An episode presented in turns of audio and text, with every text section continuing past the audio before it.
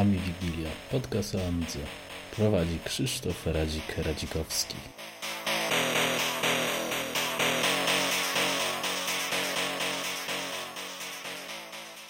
Witam w 15 odcinku wydania specjalnego.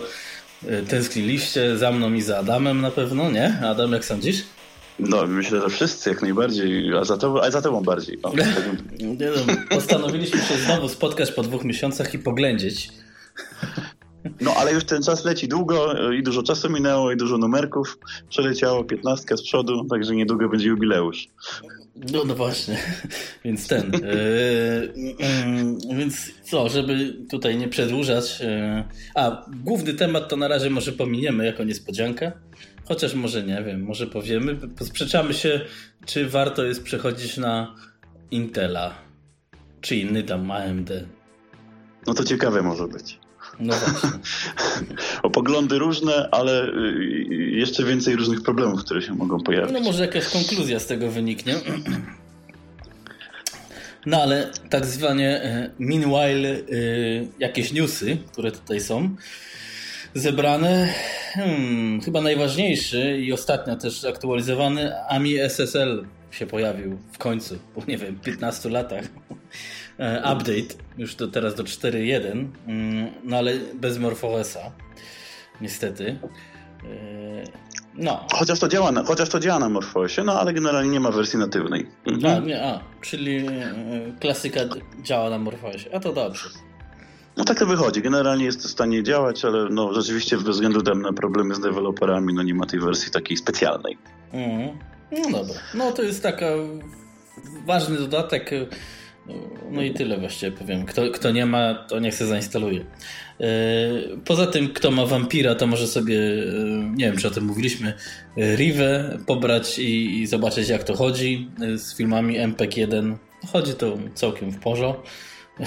I właściwie tyle, bo nic po, poza tym się nie da obejrzeć, bynajmniej, żeby się nikt nie spodziewał, że jakieś tam awiki no tam będą latały. Generalnie no. trochę wyższe rozdzielczości działają w miarę płynnie niż wcześniej, mhm. no ale tak, no cudów, cudów nie będzie, prawda? Nie będzie Full HD. No nie, no nie. Full HD na razie to na, na NG jest problem, więc. E, e, no dobra. To tak z ciekawszych jeszcze to może e, nowy polski producent akcesoriów amigowych, Rastpor, czyli Crashan. E, no to chyba każdy już wie też, to już tylko tak wspominamy, żeby wspomnieć ogólnie. Tak, ale fajnie, że, że Crashman też zdawał się, żeby to jakoś zorganizować. E, no bo wcześniej sprzedawał, prawda, e, z wolnego strzału, że tak powiem. Także jak widać jednak trochę, trochę zainteresowania wzbudził i, i fajnie, że będzie coś tak bardziej na stałe. Mhm. Także ja się cieszę. Dokładnie. Dalej, y, to teraz trochę tak, y, że tak powiem NG. Y, Emotion Player się pokazał. No i w sumie jest fajny, tyle że jest wolniejszy od M-Playera. Ale wynika to z tego, że um, korzysta z FFmpeg, a ten obsługuje więcej, jest wolniejszy. Nieważne, w każdym razie jest wolniejszy i płatny. Um, a jeśli chcemy się pobawić e, Amiga OS 4.1, to mamy e, FlowerPod, który na YouTubie umieściłem filmy, jak tutaj sobie zainstalować. Jest to aplikacja stworzona przez twórcę Amikita, no i ona umożliwia łatwe zainstalowanie OS 4.1 na, na, na Macu. Więc no to jest w sumie fajne. Przy okazji on też wypuścił Amikita na Maca z Rabbit Hole. Ogólnie fajnie, choć ja to widzę, że ten WinUAE na, przez Winy na Macu chodzi chyba gorzej niż FSUAE. No ale cóż, no, jest jak jest. No z tym, że to jest cała ta symulacja, prawda? Żeby nie było, że tak, tak powiedziałeś, nie, że jest coś natywnego, no nie? Nie, nie, no oczywiście. No ale działa i, i, co? I kolejne osoby sobie mogą w łatwy, w łatwy sposób uruchomić, a tutaj dużo ludzi, z tego co wiem, ma problemy z konfiguracją, szczególnie, że, że WinUE w ogóle dużo, dużo różnych funkcji nabrało nowych, trochę się zmieniło. Znam nawet ludzi, którzy używali parę lat temu, potem przestali, bo mieli na przykład jakieś tam rozbudowane sprzęty, a potem przy awarii znowu sobie weszli i się złapali za głowę, co to tam doszło, prawda? Także dobrze, że są takie łatwiacze. No, zawsze to trochę może popularności też na, nabić. No tylko, że wiesz, jak tam nie ma systemu skonfigurowanego jak AmiKit, no to dla szarego człowieka to i tak tam No to trzeba kupić moją książkę i wtedy będzie wiadomo, co zrobić. No tak, to polecamy. No ale zawsze łatwiej, zawsze ta połówka jest, nie? E, tak. Nie najgorzej. I tak w ogóle to jeszcze Vampir został w seryjnej produkcji, znaczy dotarł do punktu seryjnej produkcji. Choć nie widzę jakiegoś wielkiego wysypu tych kart, no ale niby już jest seryjnie produkowany, z tego co ja rozumiem, tak? Tak to zostało powiedziane, pokazany nawet został jakiś tam proces krótki. Generalnie ma być lepsza jakość. No ale tak znowu z tego, co, co czytałem, to też nie, nie widać, żeby się wszyscy cieszyli, że dostali. Tak nie wiem, jak to z szybkością będzie, no ale przynajmniej jakość się ma poprawić. Także miejmy nadzieję, że tak będzie już na stałe.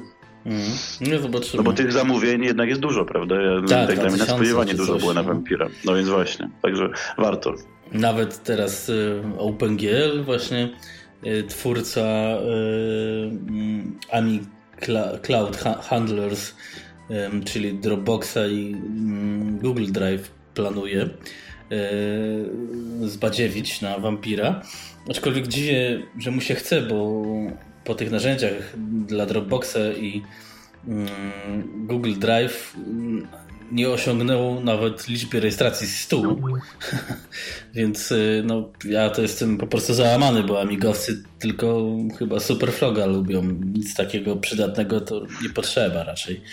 Mm, no, Wiesz, zależy kto jak trzyma pliki też, prawda? To też nie jest taka funkcja, którą trzeba koniecznie mieć, no ale tak drogie to nie było, a jednak y, otwierało ten świat, otwiera, prawda? Y, w kierunku amigowców, także ja też się trochę dziwię, że aż tak mało tych rejestracji.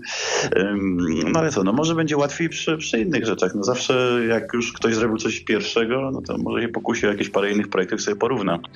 Może coś jednak jeszcze z tego będzie.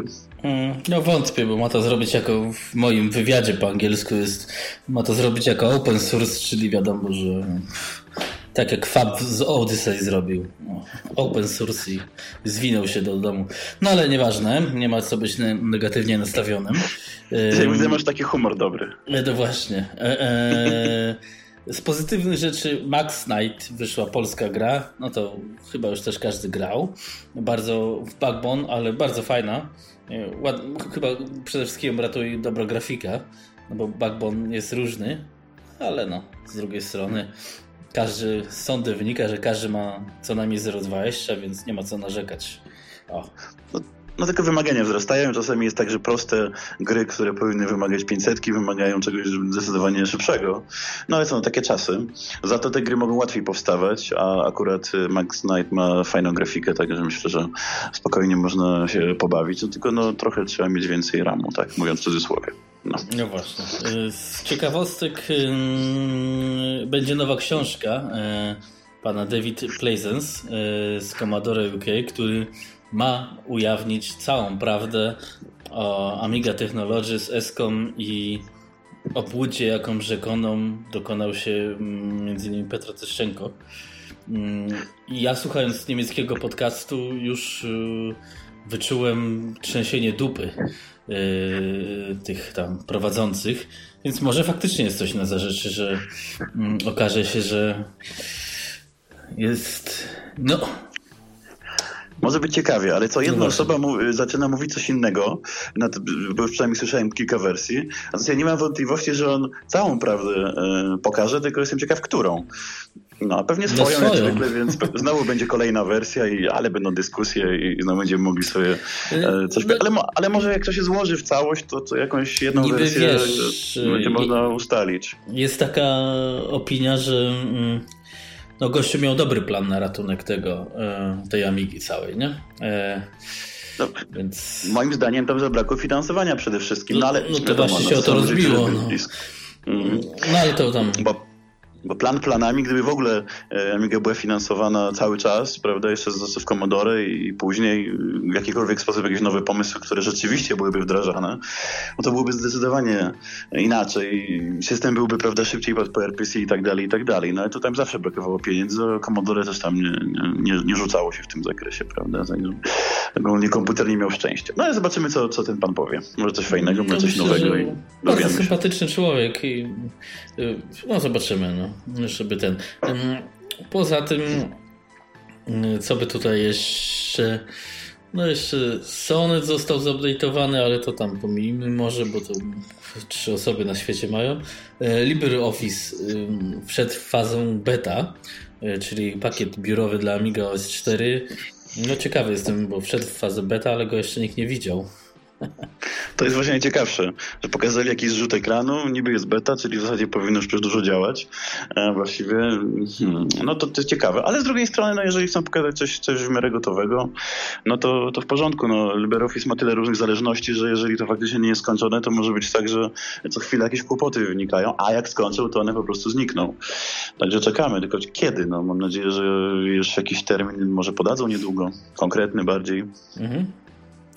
Cieszyłbym się. W każdym razie, bo to jest ważna rzecz. E, no ale ten. Mm, co by tu jeszcze? Może powiedzmy coś ze strony niebieskiej. E, pojawił się odświeżony Chrysalis, tak? Dobrze to wymawiam? Pakiet dla MorphOS-a? Chyba tak, chyba tak. Chociaż ja z tego pakietu nie korzystam, ale jest dużo programów, które normalnie trzeba sobie tam instalować dosyć żmudnie, a tam też update'y można robić automatyczne, więc, um, więc, więc czemu nie? E, no ale to jest taka rzecz, która jest dosyć często, znaczy może regularnie aktualizowana, także no, oby dalej. Zobaczymy, co będzie. No właśnie. E, no tutaj jeszcze Prelude Library się nowe pojawiło, SMTube, no ale to tam mm, z ciekawszych może takich wydarzeń e, nowy podcast amigowy po angielsku e, z Irlandii. Bardzo między od nas prowadzi to też nasz kolega sympatyczny tutaj z PPA, Sil Lucas. Więc prowadzi to organizator tej, tej imprezy, na której miałem e, okazję być. No i już drugi odcinek jest i bardzo się dobrze ich słucha. Tak bardziej na luzie i bez takiej zgryźliwości jak to u nas, nie? Podobno. Ale tak ładnie zacząłeś dzisiaj, także myślę, że nie zmieni się klimat. No właśnie. E, Ask Me Up, XSL, no to pomie... A, ważna. Tak, Icarus Desktop wszedł na Patreon, ale to tam myślę, że wszedł i tyle. E, ważniejsze jest to, że Hollywood 7 się pokazał. Oczywiście bez update'u y, designera. Ja się zaczynam zastanawiać, czy e, autor już powoli nie dochodzi do wniosku, że na zamigowego rynku trzeba by się powoli zwijać.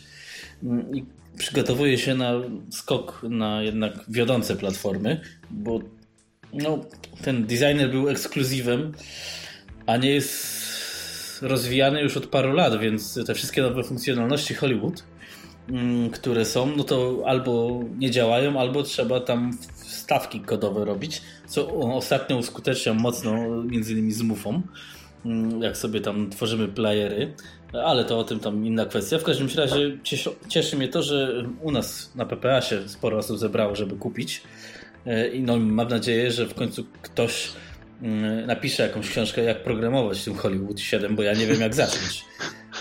Też słyszałem już na ten temat co nieco. No ta programowanie nie jest aż takie trudne, no bo tam jest Lua, prawda? Przynajmniej troszkę zmodyfikowana wersja, no ale jest.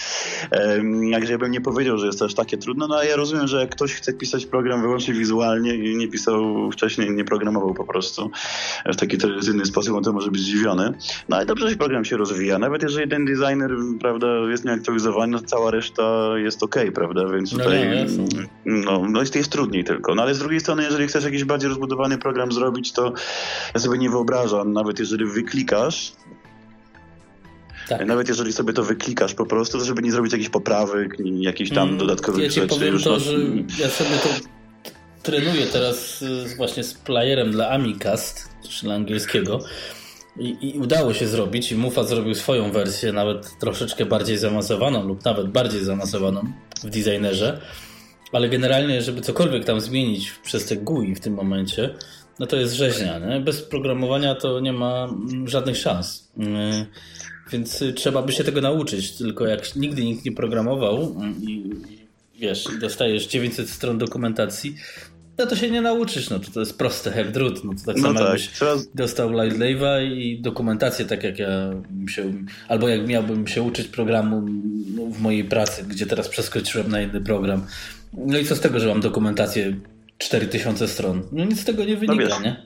No wiesz, kiedyś się tak ludzie uczyli, jakoś da, nie, dawali radę, tak ale ja rozumiem, że jest Co, A jak to nie? no jak to? Jak to ja się Dostawałeś Lightwave'a z, z, z, dokumentacji, znaczy z tutoriali. Jeszcze kupowałem to w Polsce. No dobrze, ale tutorial tutorialowy nierówny. Jak dostawałeś na przykład do zwykłego Atari, chociażby 16-bitowego, też kilkaset stron, to, to nie był taki ściśle tutorial, prawda? Bardziej dokumentacja. Ja pamiętam akurat, bo e, jak był Atari jest popularny u nas, to, to, to, to mnie w rodzinie dużo było Atari i uczyliśmy się z tego. No, to, to nie do końca tak jest, ale ja rozumiem, że jest trudno.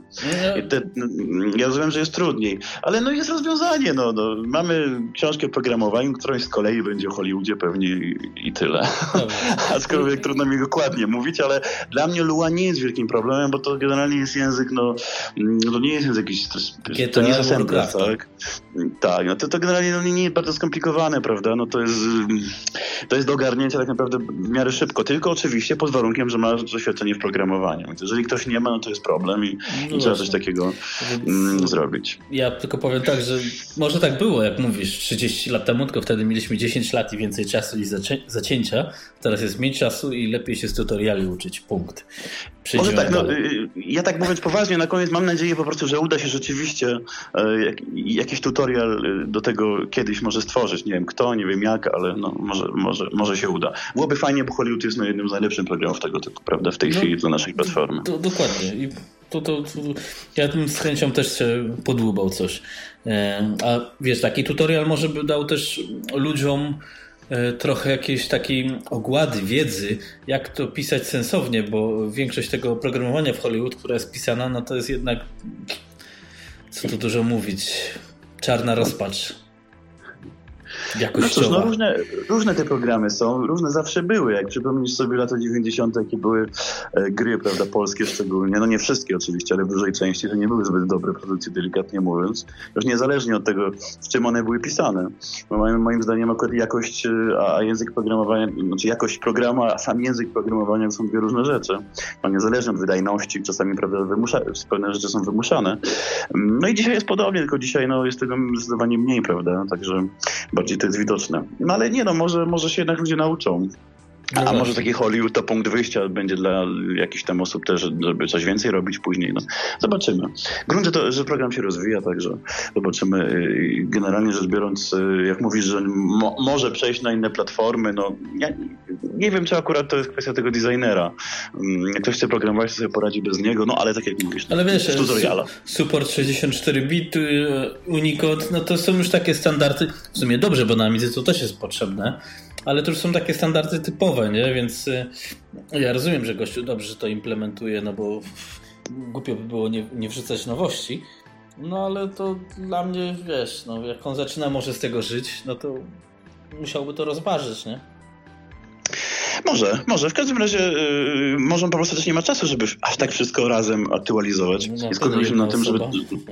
No właśnie, żeby... No wiesz, jedna osoba też trochę może zrobić, no ale generalnie yy, pewnie się skupił na nowych rzeczach, a, a, to, co mu akurat najm w najmniejszej ilości gdzieś tam się pojawia, no to robi na samym końcu.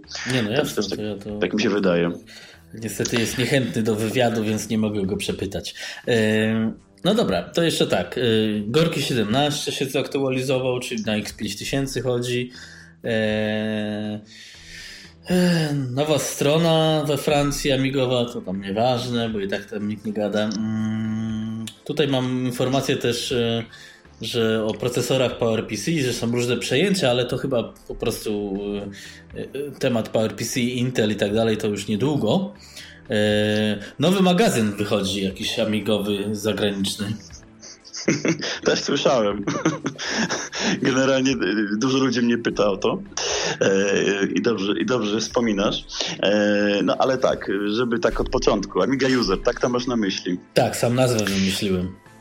No właśnie, także gratulacje. E, zrobiło się burzę, burzę mózgów. O, nijak nie pasowała polska, polska wersja tego, co mamy u nas, prawda? Po tłumaczeniu to jeszcze gorzej. E, no i udało się wymyślić coś takiego, a reszta to już z górki. E, ale tak, dużo ludzi mnie pyta, czy to będzie po polsku. No więc tak nieśmiało bym chciał powiedzieć, że Amiga User to jest angielska edycja Amigazynu. Więc tam większość tekstów będzie z Amigazynu właśnie, które już miały premierę. No, które będą premierowe, ale, ale one się też pojawią później później w magazynie, także, także tutaj będzie, będzie to razem uzupełniane. Także no, robić polską edycję z angielskiej, która, jest, która już była z polskiej, to raczej nie będziemy. Natomiast ja rozumiem, że część osób by chciało, no bo to będzie i fajniej wyglądać, prawda, i pełny kolor i tam generalnie wizualnie będzie na pewno wyglądało inaczej. No ale na razie, na razie nastawiam się na to właśnie, żeby, żeby były te trzy magazyny, czyli Amigazyn, Amiga User, no i RetroComp i one się będą pojawiać w następujących miesiącach, także w każdym miesiącu coś będzie. Natomiast dokładne informacje, no coraz bliżej już do tej premiery zerowego numeru, tak całkiem niedługo i będą jakieś przykładowe strony i więcej informacji tam w środku. I się trochę ludzi zainteresowało też z zagranicy i prywatnych, i nie tylko. Także mam nadzieję, że, mm, no, że też nas parę osób zauważy. Zresztą już parę osób zauważyło, tam Trevor między innymi napisał na blogu, Mhm. E, też e, jak o to nie prosiłem. Także widać, że informacja troszkę rozniosła. E, no, a cała reszta to się okaże w praniu, jak zwykle. No, właśnie, więc no, myślę, że będzie ciekawie. No i tyle właściwie. Mm, to tak, to jeszcze z ciekawostek, a propos mm, też takich koło powiedzmy Łodzi, powstaje mikromuzeum. Co? To też może warto, żeby coś powiedział, no bo mm, znacie się z jego y, twórcą, że tak powiem, a poza no tym tak. jesteście z Łodzi. Kopelat, Kopelat, tak. Kopelat się znamy i, i współpracujemy. Naprawdę nie widać tego tak na zewnątrz, ale, ale tak jest. I tutaj w Łodzi jest no, więcej osób, które są zainteresowane, także będziemy działać. Um, no cóż, w tej chwili tam są sprawy techniczne, prawda? Remont, nie remont, otwarcie będzie później, ale też już e, no, rozmawialiśmy na ten temat, żeby, żeby razem działać, także to nie będzie tak, że Arti sobie działa w pojedynkę i, i, i stara się coś zrobić, a, a reszta patrzy. E, tam rozmawialiśmy również z paroma osobami na temat, e, żeby dostarczyć dodatkowy sprzęt na przykład, żeby było więcej eksponatów i w ogóle, żeby było ciekawiej.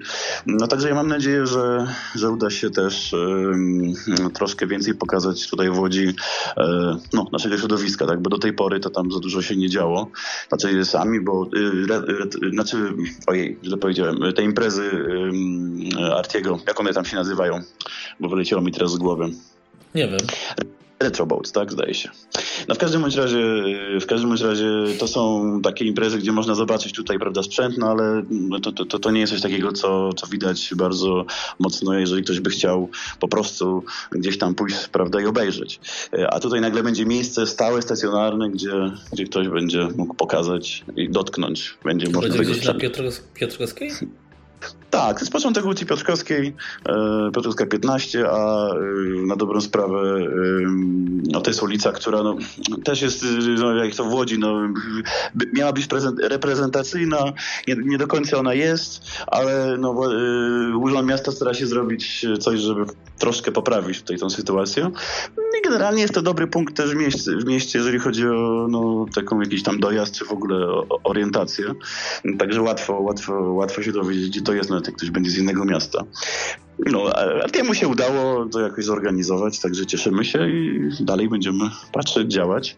E, no, generalnie zanim otwarcia nie będzie, to trudno mówić dokładnie, prawda? Ale mm. myślę, że nie to do niego, także jak zrobisz wywiad, to będzie wiadomo. To, no w sumie mogę tak zrobić. no dobra, to tak. tak jak a propos tego AMI SSL, to e, Eyebrows będzie nowy, 2,5, który z tego co zrozumie jest tyle nowości, że mogliby go w sumie nie aktualizować. No, no ale klasycy się cieszą zapewne. No. No, no to jest, jak to się mówi, um, taki program, który, który y, strasznie, y, no, delikatnie mówiąc, nie rozwija się od dłuższego czasu, ale to, co ma w sobie, no to pozwala na pokazywanie takich stron przed wielu lat, prawda? Hmm. Ja się dziwię, że y, kiedyś się dziwiłem, jak on się przestał rozwijać, że nie dodają nowych funkcji. Teraz się dziwię, że w ogóle coś z nim robią w takim stadium. No, no tak, no to obudził. Nie wiem po co, ale no, znaczy po co to fajnie, tylko że, żeby to był, wiesz, żeby coś tam było sensownego, bo e, tak właśnie słuchając tego irlandzkiego podcastu, e, trzeba powiedzieć, że Eyebrows prawdopodobnie był jedną z pierwszych przeglądarek, która miała na przykład zakładki, nie? W ogóle. Tak, no w ogóle jak się cofniesz w historii, to Eyebrows i Voyager przecież, który później też był. Tam były zakładki, tam można było przenosić. No jako Voyagerze pamiętam, że zawsze mi się podobało to, że można było przenosić elementy. E, dosyć łatwo i, i, sprawnie to działało, tylko że nie, może nie był zbyt stabilny. Ale tak, tam, tam były zakładki, tam były mm, różne takie funkcje ciekawe, które się jako pierwsze pojawiły. No tylko, że co z tego, skoro nie poszło za tym obsługa stron lepsza, prawda? Jak się, no, jak się tam to, już, to już było związane z kryzysem w amigowości. E, no dobra, no zobaczymy, co z tym Amibrosem będzie. No, ja liczę, że to znowu jest ten temat przeglądarki, że Odyssey już ma 4 lata, a Iberos ma 15 i, i nie bardzo widać, że ktoś chce się w ogóle za to zabrać. A, a, ja odkrywam po napisaniu książki, że te strony, które opisałem, że chodzą, to już przestają chodzić. A mi minęło dwa miesiące. No, no to wiesz, już głównego tematu, rozumiem.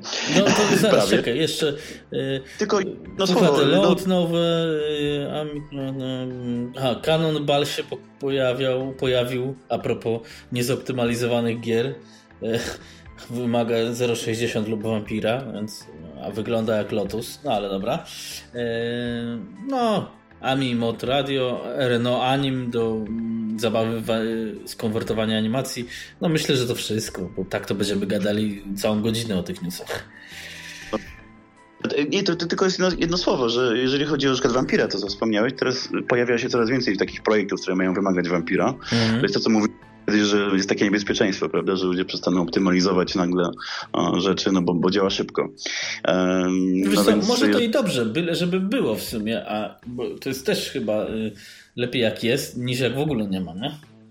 Nie, no na pewno, tylko jeżeli proste gry będą zamiast 500 będą wymagały PowerPC, e, no przesadzam, ale szybkości powiedzmy prawda, nagle, no to jest problem, no bo po, po, po prostu to, to, też moim zdaniem nie, nie, nie w tym jest, e, znaczy to nie ma sensu, żeby, e, żeby tak podchodzić do tematu. Natomiast jeżeli by portować gry lepsze, e, prawda, które mają no, możliwości po prostu, znaczy przez możliwości Vampira gry, które będą lepiej wyglądać, wyższe rozdzielczości, prawda, lepiej będą animowane i tak dalej. Czemu nie? No przecież nawet gry 2D. Mm, no. Wyszła ta mm, strategia, nie? Westwood czy, czy jak tam?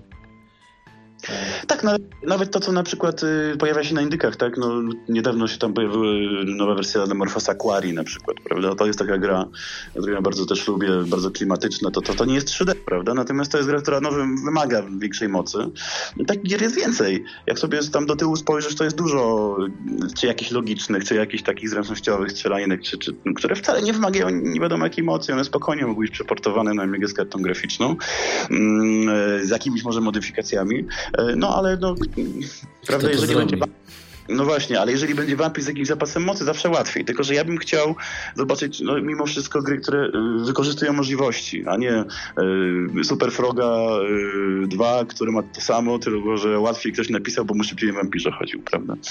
No ale zobacz, nie przesądzajmy, to są dopiero początki. Najważniejsze, żeby był jeszcze tylko procesor dla Vampira, o tak po cichu powiem. No, niby ma być już od dwóch lat, e, ale no ten TinyGL, czyli OpenGL, który ma być właśnie tam też e, działać na Vampirze, będzie wymagał FPU, więc bez FPU się mm, nie obejdzie. Jakich by tam mm, czarów e, w sumie, jak też czytałem na forum mm, Apollo Team nie mówiono i tych nowych funkcji, które fajnie, że są, no ale nie ma tego FPU, więc moim zdaniem, skoro nie ma FPU dwóch lat, no to jest jakiś duży problem. Bo skoro się da wszystko nowe zaimplementować, a tego się nie da zrobić, no to jest niedobrze. Ale rozwijają się, no generalnie w sumie dawno nie było, żeby w dwa lata tak szybko się coś posuwało, nie? Mimo wszystko. No to jest prawda generalnie tam robią dużo, tylko może nie w takiej kolejności bardzo, w której, w której trzeba by było. Natomiast no, dużo zmian, dużo poprawek i tak dalej, dużo, dużo nowych rzeczy. Natomiast ja ostatnio słyszałem też takie opinie, że po co, po co ten FPU właściwie? A, to e, też jest dobre. No, też czytałem to u nas na PPA, nie? nikt tego nie używa. No. Tak, ale słyszałem, jak rozmawiałem ze znajomymi tutaj z Łodzi, yy, właśnie to po co to FPU? Mówię, no przecież kurczę, yy, jeżeli ktoś bierze pod uwagę, że no, ma 1200 z 20 albo 30 bez koprocesora i, i, i, dlatego po co FPU, to w porządku, no ale Vampir ma dawać coś więcej, prawda? I w tym momencie te programy, które no, mogą działać szybciej, no to niech działają. Czy, czy w ogóle wszystko... Żeby w ogóle działały, no bo niektóre nie będą działać. Tak, no ale powiedzmy, że niektóre no, mają te wersje i w FPU i bez, i, ale różnice, zrobiliśmy kiedyś testy, różnice potrafią być zasadnicze. Nawet kilkukrotne w działaniu, prawda? Także... Hmm, Lightwave 8 razy szybszy jest na 0,60. No, niech to nawet będzie raz, czy dwa, czy trzy razy szybciej, prawda? To i tak jest, już, już, już różnicę robi. Yy, no, natomiast faktycznie, gdyby przyjąć z punktu widzenia y, takiej gołej prawie że Amigi, to jak najbardziej. Ale no to nie o to chodzi. Także miejmy nadzieję, że nie jak to zrobią, a skoro, no, tak jak mówisz, mają być inne rzeczy, które wymagają procesora, no to chyba w końcu się pojawi. Tylko pytanie kiedy. Ale z drugiej strony, y, kiedy ludzie dostaną karty, to może zanim dostaną, to już będzie to FPU i będzie łatwiej. No też taką mam nadzieję. Y, w każdym razie, no, no, jeszcze NetBSD wyszedł nowy, którego nie używam, ale wspomnę, no bo fajnie, że komuś się chce. E, no ja myślę, że e, przejdźmy do tego. Ty jeszcze chcesz coś, y, słowo na niedzielę do czytelników chcesz przekazać? Czy... Na razie nie, to jedyne co mogę powiedzieć, bo mnie też pytają ludzie o Amosa, o tę książkę o Amosie. On za chwilę mhm. będzie wysyłany że to nie jest tak, że my jakoś to przekładamy gdzieś naprzód bardzo. Natomiast no, jest tam lekkie opóźnienie, no ale przy tej ilości projektów nie, uda, nie udało się zupełnie zmieścić w terminach. Natomiast on zaraz będzie wysyłany, już, już teraz po Wielkanocy, a zaraz potem tłumaczenie, zaraz inne rzeczy, także dużo będzie też newsów. No ale cóż, no to już nie będę wyprzedzał faktów. Ja widziałem na razie ten spis, co mi podesłałeś i bardzo fajna książka będzie. Ja myślę, że E, że tak powiem, sam sobie ją z chęcią przerobię. Może wtedy zajarzę, co to jest programowanie i będzie mi łatwiej z Hollywood. No to akurat możliwe. No, generalnie rzecz biorąc, e, nie jest tak daleko między, między Musem a tym, co no, jest w Louis. No właśnie tak mi się wydaje. E, ale ten spis treści zresztą będzie za kilka dni już opublikowany też, także będzie mogli wszyscy, wszyscy zobaczyć, jak to wygląda. No i mam nadzieję, że, że, że, że też będą czytelnicy zadowoleni z tego, co tam jest, bo starałem się, żeby jak najwięcej praktycznych porad, takich rzeczy nie opisywać wszystko po kolei, prawda? Tylko po prostu praktyka, praktyka i to, co jest najważniejsze, najbardziej istotne, a resztę to sobie tam można doczytać. Mhm. No dobra. Słuchaj, no to co? Wojna? A jak? nie ma wyjścia. No, to w sumie e, dzisiaj tak wyszło, że zaczęliśmy sobie gadać poza anteną i e, tradycyjnie powróciliśmy do tematu Intel, którego ja byłem nawet całkiem niedawno powiedzmy jakimś tam zwolennikiem, ale ostatnio doszedłem do wniosku, że e, przejście na inny procesor w przypadku Amiga OS, MorphOSa, no bo nie AROSa, doprowadzi do śmierci tych systemów z racji, że jest nas tak mało, że nikt tego nie będzie robił, chociaż zdaję sobie sprawę, że na przykład w przypadku przeglądarki y, taki WebKit, czy na przykład y, drivery do kart graficznych będą bez tego problemu Bing, Endian i tak dalej. Więc tutaj widzę zaletę, aczkolwiek no, mi się wydaje, że nie mamy zasobów, które mogłyby, mimo że też bym wolał mieć Intela niż PowerPC, które jest beznadziejne, znaczy jest nadziejne, ale teraz jest beznadziejne. No. To teraz powiedziałeś. Mnie się wydaje, że to jest troszkę, znaczy, trochę masz rację w tym, co mówisz oczywiście. No jest mało deweloperów i przejście na nowy system, nową architekturę to jest w ogóle projekt na tyle duży, że, że trzeba dużo więcej wysiłku niż dopracowywania tego, co jest. Mm, ale mnie się wydaje, że największy problem jest w tym, czy w ogóle chcemy pisać jakieś programy, rozwijać system.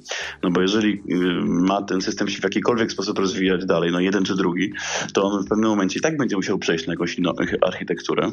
Mm, I jeżeli nie ma siły, to znaczy, że on po prostu trzeba powiedzieć sobie koniec, tak? No nie będziemy dalej tego rozwijać, tylko będziemy poprawiać to, co jest na przykład, prawda? A nie, nie zauważyłem, żeby takie były informacje. Także ja mam nadzieję, że biorąc pod uwagę to, o czym tutaj wspomniałeś, że jak będzie nowa architektura, ewentualnie, prawda, to ta przeglądarka będzie dużo łatwiejsza do, do wykonania, bo przecież silnik będzie można łatwiej prawda, zaimplementować i, i to, co to się dzieje teraz, to, co mówiłeś, że, że strony przestają działać. Ja też za, widzę różnicę, natomiast no, to wynika z tego, że jeżeli silnik jest aktualizowany, prawda, gdzieś tam co kilka dni, a, a u nas już kilka lat minęło, no to to się musi zmieniać. Tak samo było, jak były klasyki. Też te mm. programy was przestały wystarczać po trochu, po trochu. E, z drugiej strony, e, jeżeli można przeportować LibreOffice, taką dużą rzecz, to na pewno można też przeglądarkę, tylko czas, a my tego czasu już nie mamy. No to jest kłopot.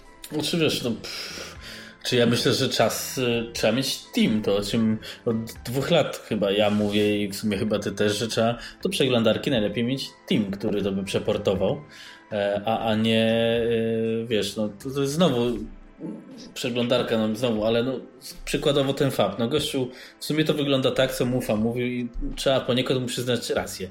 Wziął kasę, zwinął się i tyle go interesuje, nie? I gościu się zwinął. Nikt nie wie, jak ten kod chyba ugryźć. Co prawda coś tam niby Bigfoot z tym JavaScriptem walczy, ale nikt nie wie, jak ten kod ugryźć, albo nie ma ochoty, albo coś. No i jest sytuacja jaka jest, no bo od jednego gościa zależy wszystko. Aczkolwiek jednak z drugiej strony, mm, no niby mamy tu na Arosie tego Intela i, i masz to Odyssey yy, i ten WebKit jest łatwo aktualizowalny i ja jakoś nie widzę, żeby tam Odyssey co dwa dni się nowe pokazywało. No tak, tylko że przykład Arosa moim zdaniem jest bardzo niefortunny, dlatego że Aros generalnie rzecz biorąc w porównaniu z, z OS 4 i z Morph 8 jest mniej dopracowany z mojego punktu widzenia. Może to no wynika tak, z no sprzętu, który używałem, ale ja nieraz sobie myślałem, że gdyby Aros był tak dopracowany jak te pozostałe systemy, wszystko jedno, który jest lepszy, prawda? Ale one oba są lepsze od niego, moim zdaniem. E, pod względem dopracowania przynajmniej, nie pod względem może całej reszty. Mm, no to ten Aros naprawdę mógłby być fajny. A to, że powstała przeglądarka y, no, trochę nowsza, no to wynika z tego, że, że, dało, że, że tutaj nie dało się tego zrobić szybko, no to ktoś pokazał, że można jakieś poprawki nanieść, prawda, w tej wersji dla Arosa. Zobaczymy, jak to wszystko wyjdzie, ale po prostu moim zdaniem y, no, trzeba się zdecydować, w którą stronę idziemy. To, co, to, co w tej chwili on robi z, ze sprzętem, prawda, z, z amigałami i tak dalej, to są troszkę spóźnione mm, działania, w moim przekonaniu, bo fajnie, że jest nowy sprzęt, ale to powinno być zrobione parę lat temu, a teraz to powinniśmy mieć już kolejne... Nie było możliwości parę lat temu, nie? Nie było właściciela właściwie, nie było firmy, która by to zrobiła. No to, to, to też z tego wynikało, nie? Ja sobie zdaję sprawę jak najbardziej z tego, tylko że chodzi o to, że jeżeli rzeczywiście te działania będą opóźnione, one będą dalej prowadzone, to po prostu za kilka lat będziemy mieli znowu coś nowego, prawda? Natomiast źle by było, gdyby te spóźnione działania, no, nie mówię, że, że, to jest ich wina czy coś, natomiast no, to po prostu sam fakt jest faktem. E, chodzi o to, żeby te spóźnione działania nie, nie spowodowały, że będzie na, nas na tyle mało, że już, prawda, nie będzie dla kogo tego robić. No ale z drugiej strony to samo mówiliśmy w latach 90. Hmm, szczególnie około roku 2000, prawda, o klasykach i mimo wszystko to wszystko e, jest rozwijane, tylko że no to już nie da rady wtedy e, uruchomić sobie takiej przeglądarki, prawda, żeby codzienne czynności robić. Wiesz, no, klasyk jest jako retro rozwijany, to jest zupełnie e, komputer, który służy do odpalenia raz w niedzielę, zobaczenia dyskietki, bo nie daj Boże tylko twardy dysk, bo to zło i zamknięcia i standardowe uruchomienie PC-ta, nie? No to jest tak, jak wiele osób tak używa. Cały czas PC, to sobie uruchamiamy co jakiś czas i, prawda, gramy w jakąś, nie wiem, Sensible na przykład, prawda? To jest też miłe, ale to nie o to chodzi. Ale z tym, że to tutaj już dochodzimy do tematu, o którym mówiliśmy, że mm, ludzie nie widzą mm, w tych nowych Amigach kontynuacji klasyków, tylko widzą coś zupełnie nowego. A, a przecież to tak nie jest, prawda? I oprogramowanie, i system, i to, co tam uruchamiasz, to jest po prostu kontynuacja tego, co miałeś kiedyś. Znaczy, bo ludzie chcą mieć kości AGA czy coś takiego, ale no to tak jakby wymagać, żeby Mac czy PC też miał ISA złączony, bo, bo wypas. No, no, albo mówimy o rozwoju, albo mówimy o stagnacji, no, albo no tak, cofaniu się gry, boże, stare gry na, na PC. Też teraz uruchamiasz emulację. Całkiem niedawno e, rozmawiałem z osobą kompletnie niezwiązaną z, z, retro i też mówi, lubi sobie tam pograć w jakieś klasyki. Tak? Dla niego klasyki, no to oczywiście inne kompletnie miało znaczenie. Doom 3, no. No generalnie tak, jak mi powiedział tytuł, to już teraz nie przytoczę, ale to się troszkę załamałem. Mówię, jak to jest klasik, to, to chyba już stary jest. No, ale niestety ale on, rozu- ale on wiedział, że on to musi uruchomić na emulatorze, ponieważ mu po prostu PC nie pozwoli y, w normalny nowy system bezpośrednio uruchomić i nie robi z tego problemu, prawda? Mm, natomiast no, tutaj amigowcy byli zawsze przywiązani do chipsetu. E, zresztą poniekąd słusznie, bo on w czasach jak powstał, to był naprawdę dobrą rzeczą, prawda? Natomiast czas mija, no i... nie da się... lata temu. No, więc właśnie, czas mija i nie da się tych epok po prostu przeskoczyć, więc trzeba troszkę jednak zrozumieć, że trzeba iść na kompromis. No, mnie się wydaje, że człowiek już dorosły, dojrzały powinien coś takiego, prawda, mieć w sobie, że kurczę, nie da się tak, no zrobimy inaczej i cieszmy się dalej. A jak jest alternatywą, że się wszystko skończy, no to też nie jest dobrze. E, słuchaj mi, a czy zamiast tego Intela to y, mówimy na przykład o takim X5000, X1000, czy nawet o Macach. No mamy tam jeszcze do podziałania. Czy nie lepiej jest właśnie faktycznie zrobić y, support dla dwóch jajek, y, dla większej ilości ramu i tutaj się kręcić, bo, bo tutaj jest naprawdę jeszcze na nasze powiedzmy amigowe potrzeby jest sporo mocy, chociaż filmy 4K nadchodzą, a, a nawet HD nie są obsługiwane w pełni, no ale to nieważne. Więc ten, może tutaj jest pole do orania niż porywanie się na kompletnie, nawet jeśli to jest wszystko rozsądnie napisane, bo podejrzewam, że głównie to MorphOS zapowiada, że jest to ładnie przygotowane, tak jak ostatnio z wywiadu wynika. Znaczy, no nie wynika, ale idzie zrozumieć. No ale mimo wszystko jest to operacja ogromna. To nawet Apple jak tak przychodziło, no to musiało być dla nich potworne wydarzenie, chociaż gdzieś też słyszałem, że macOS był tak napisany, ten nowy 10, nie? E, że to nie mhm. był de facto problem przeskoczenia architektury, no bo to było NetBSD, które było chyba i tak z Intela zabrane. Później na PowerPC to właściwie nie było, to było kwestia tam paru dni. Znaczy do pierwszego strzału, nie? No tak, no tam w ogóle historia była dość skomplikowana, ale w końcu się dobrze skończyło. Zresztą tam też to troszkę potrwała ta migracja. No, ta właściwa to już, no oczywiście, parę lat. Nie? Na początku, jak w ogóle jeszcze Mac przechodził przez różne architektury, to, to na początku było dużo gorzej niż na migowych systemach. Już miałem znajomych i prawda, widziałem jak to działa. Odpalało się przecież praktycznie całe środowisko stare na emulatorze i dopiero, czy tam na jakimś stopniu w każdym razie wirtualizacji, dopiero w tym się uruchamiał program e, klasyczny w cudzysłowie. Tak? U nas jest lepiej, prawda? Także no, to jest dopracowane w taki sposób, że działa transparentnie. E, natomiast to PowerPC czy Intel, no to się pojawia dlatego, że po prostu nie ma szybszych PowerPC, prawda? To znaczy są szybsze, trzeba to programować, tak jak mówisz, dwa, dwa, dwa, dwa rdzenie i tak dalej, e, ale mm, no i to jak najbardziej moim zdaniem trzeba robić, tak samo jak obsługę tam kart graficznych, prawda, sprzętowe dekodowanie, i inne funkcje, które można obsłużyć. No tylko, że y, no, to się kiedyś skończy, ale jeszcze mamy trochę do zrobienia. Także pewnie, jeżeli cała operacja przeniesienia ma trwać wiele lat, no to trzeba to teraz też dopracowywać. Mm, wszyscy przecież chcą przejść na coś szybszego. Niekoniecznie Intela, prawda? Po prostu potrzebna jest moc, no i tyle.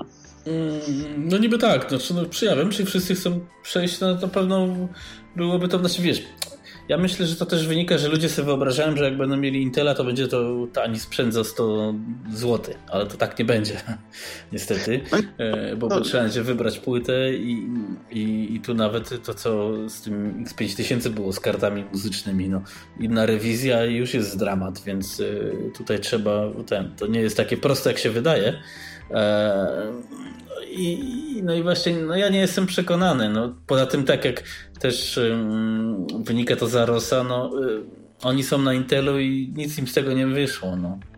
Nie są dopracowani, ok, ale do, skoro byli na tanim sprzęcie y, za darmo, to czemu się nie udało? No, między innymi dlatego, że programy amigowe nie działają tak po prostu, że możesz sobie kliknąć i uruchomić, tak? To, co jest na, na obu systemach pod PowerPC. Ja tak uważam, że to jest, to, to jest, to jest duża, duży problem, yy, który stara się być łatany, ale nie jest to tak fajnie zrobione jak na tych pozostałych systemach. Natomiast yy, trochę źle powiedziałem, że wszyscy chcą przejść na Intela. Po prostu yy, ludzie, którzy używają prawda, systemów NG yy, i chcą używać ich dalej, no chcą mieć większą szybkość, większą szybkość pracy. może nie dzisiaj, może niekoniecznie potrzebują do wszystkiego dzisiaj, no ale w perspektywie chcą, żeby mieć później możliwość przejścia na coś szybszego. No a tak naprawdę w świecie, no to coś szybszego, no to co? No jeżeli ma być w miarę, w miarę tanie, w miarę oczywiście, prawda, i dostępne szeroko, no to Intel. No tak. E, natomiast nawet jeżeli ten sprzęt będzie kosztował niezbyt dużo, yy, źle mówię, dosyć sporo, tak? No powiedzmy, że trzeba wybrać jakąś architekturę, czy, czy jakieś modele przyszłościowe i w jakikolwiek sposób wąską grupę oprogramować, no to ktoś, kto to kupi, będzie miał e, jakby dwa w jednym, tak? No bo po pierwsze uruchomi sobie wszystko, co, co tam może, praktycznie każdy system na tym pójdzie, a plus amigowe oprogramowanie, no to ją zobaczy zdecydowaną różnicę wydajności. Natomiast no oczywiście to jest jakaś grupa tylko, tak? Bo druga grupa chce mieć retro i nie przekonasz tych ludzi do tego, żeby mm, zmienili retro na NG, prawda? I to jest oddzielny problem. Znaczy to no, jest, ale... wiesz, o tyle dziwne, bo mm, niedługo będzie wywiad ze świeżo upieczonym amigowcem, ale po angielsku który kupił X5000 i on właśnie kupił między innymi dlatego, że jest świetny, fajny klimat. E, masz e, powiedzmy typowy workbench, nie? I, ale już w nowocześniejszej wersji, a jednocześnie masz to nawiązanie do, do retro i dla niego to jest fajny wypas, ale to nieważne. Mi się też wydaje, że to, to jest fajne do wykorzystania, ale pytanie powstaje takie wobec tego, bo wszyscy mówią i w sumie tak jest, że te nasze systemy y, bardziej służą jako hobby OS niż OS do pracy. Y, I w tym momencie y, przepisanie takiego MorphOSa na, na tego Intela, AMD też już było to poruszane może doprowadzić, pewnie doprowadzi, nawet jeśli się uda, do powstania kolejnego, w cudzysłowie oczywiście, bo to nie jest tak, żeby się nikt nie obraził, kolejnego Linuxa na PC, no bo tak zewnętrzny użytkownik będzie widział. A jeśli by to przepisać na Raspberry Pi, które jest skierowane do hobbystów, myślę, że tam łatwiej wypłyniesz i masz zamkniętą platformę, która jest fakt wolna, bo mam ale fakt kosztuje 50 euro, przepraszam, 40 euro, plus obudowa no. 50. Sorry. Tylko py pytanie, czy zrealizuje te cele, o które chodzi. To znaczy, czy ktoś kupując y, malinkę, prawda, i y, wydając to y, e, pale 10 euro, zobaczy, że jest szybciej i lepiej. No bo jeśli zobaczy, to jestem za. Natomiast no. jeżeli nie zobaczy, jaki jest sens przeniesienia ja czegoś myślę, takiego? że mm, Raspberry Pi będzie szybszy na pewno od G4. No. Nawet tego najmocniejszego. Od, y, wydaje mi się, że od X5000 jest wolniejsze. Przynajmniej mam takie wrażenie, ale tu trzeba by benchmarki porobić. No ale dobra, to wiesz, no Raspberry Pi się od, odrywa się od, od hardware'u. Hardware można z fundacją nawiązać kontakt, facet kontaktowy. Yy, oni co 2-3 lata wypuszczają nowy hardware w cenie złomu. E, więc i tak będzie szybciej. Za dwa lata i tak wypuszczą sprzęt, który będzie cztery razy szybszy niż jest teraz, więc e, mm, ja bym, wydaje mi się, jak już bym chciał zmieniać architekturę, to bym się portował na, na Raspberry Pi, gdzie mam większy zasięg hobbystów, bo to jest na, nasz target, a nie e, pójście na Intela, gdzie to się jeszcze bardziej chyba rozmamrze. Tak mi się wydaje. Wiesz co, to można w, różny punkt widzenia mieć, bo dla mnie akurat to, to, to, niekoniecznie jest hobby. No, po prostu używam, używam systemu na co dzień. Natomiast. No. No nie sądzę, po prostu ludzie, y, to jest jakby temat na, na, na, na, na później może, ale po prostu ludzie chcą mieć w większości przypadków dzisiaj konkretne programy. E, ja po prostu szukam konkretnej funkcjonalności i okazuje wśród nowszego, starszego oprogramowania mm, różnych miejsc, gdzie można i się okazuje, że wcale nie jest tak źle. Oczywiście nie wszystko y, można zrobić, prawda? Są, są jakieś tam kłopoty, ale w większości przypadków to, co, do czego przynajmniej ja używam, e, spokojnie, spokojnie daje radę. Natomiast co, do, co do ARMA w ogóle. Generalnie y, Malinka to nie jest sprzęt taki po prostu do kupowania przez zwykłego Kowalskiego, prawda? A mnie się wydaje, że system taki jak nasz powinien działać na komputerze, który jest kompletny. E, żeby chociaż potencjalnie można było go uruchomić i zobaczyć, jak działa, tak, tak jak chociażby Aros. Jeżeli będzie bardziej dopłacony, no to będzie jaki, chociaż... Jaki problem malinkę sprzedawać, jak Ares jest ten, co Pascal sprzedaje? No. Y, to, to pody i karty, to, to, no to będziesz sprzedawał kompletny komputer za 80 euro. No, Boże. No tak, tylko że znaczy mi się tak przynajmniej wydaje, że ludzie, którzy chcą używać y, komputera na co dzień, jakiegokolwiek, którzy chcieli mieć jeden komputer. I nawet jeżeli, no nie wiem, na przykład jak ja kiedyś, no chociaż to jest zły przykład, ale no, od wielu lat używam też Linuxa, co prawda teraz to w ogóle bardzo rzadko, ale, no, ale kiedyś jak używałem Windowsa, prawda, przez jakiś czas, potem zacząłem przechodzić na Linuxa, to był taki podobny problem jak w naszym środowisku, że po prostu nie wszystko działało i to rzeczywiście wtedy były kłopoty poważne. I po prostu co jakiś czas się butowało jeden system, co jakiś czas się butowało drugi system, co jakiś czas, kilka lat minęło, już było lepiej, a teraz jest już, jest, jest zdecydowanie w porównaniu z tym, co było, to jest nieba ziemia. Mhm. Natomiast mnie się wydaje, no ja też często tak sobie myślę, że na przykład, y, jeżeli już, y, no nie chcę dublować sprzętu, tak, na przykład, więc jeżeli byłaby możliwość um, uruchomienia e, kilku systemów na jednym komputerze, e, no to jest to zaleta, bo tak, ktoś kto, y, ktoś, kto ma sprzęt, może się nawet przypadkiem zainteresować, a wypalę sobie płytkę, czy tam, nie wiem, z pendrive'a uruchomić ciekawości.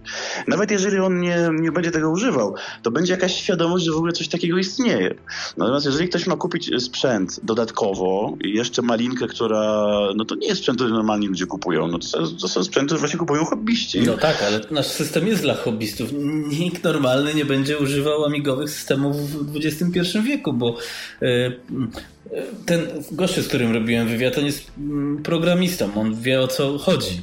Nigdy nie miał Amigi. Usiadł do tego, żadnego quick starta nie miał, ale po forach się pytał i tak dalej, doszedł, ale weź mi, nie mów mi, że zwykły, weźmiesz tu, wyjdziesz na ulicę na Piotrkowską, weźmiesz mi tu Kowalskiego i powiesz, masz tu pan, jedziesz. No nie.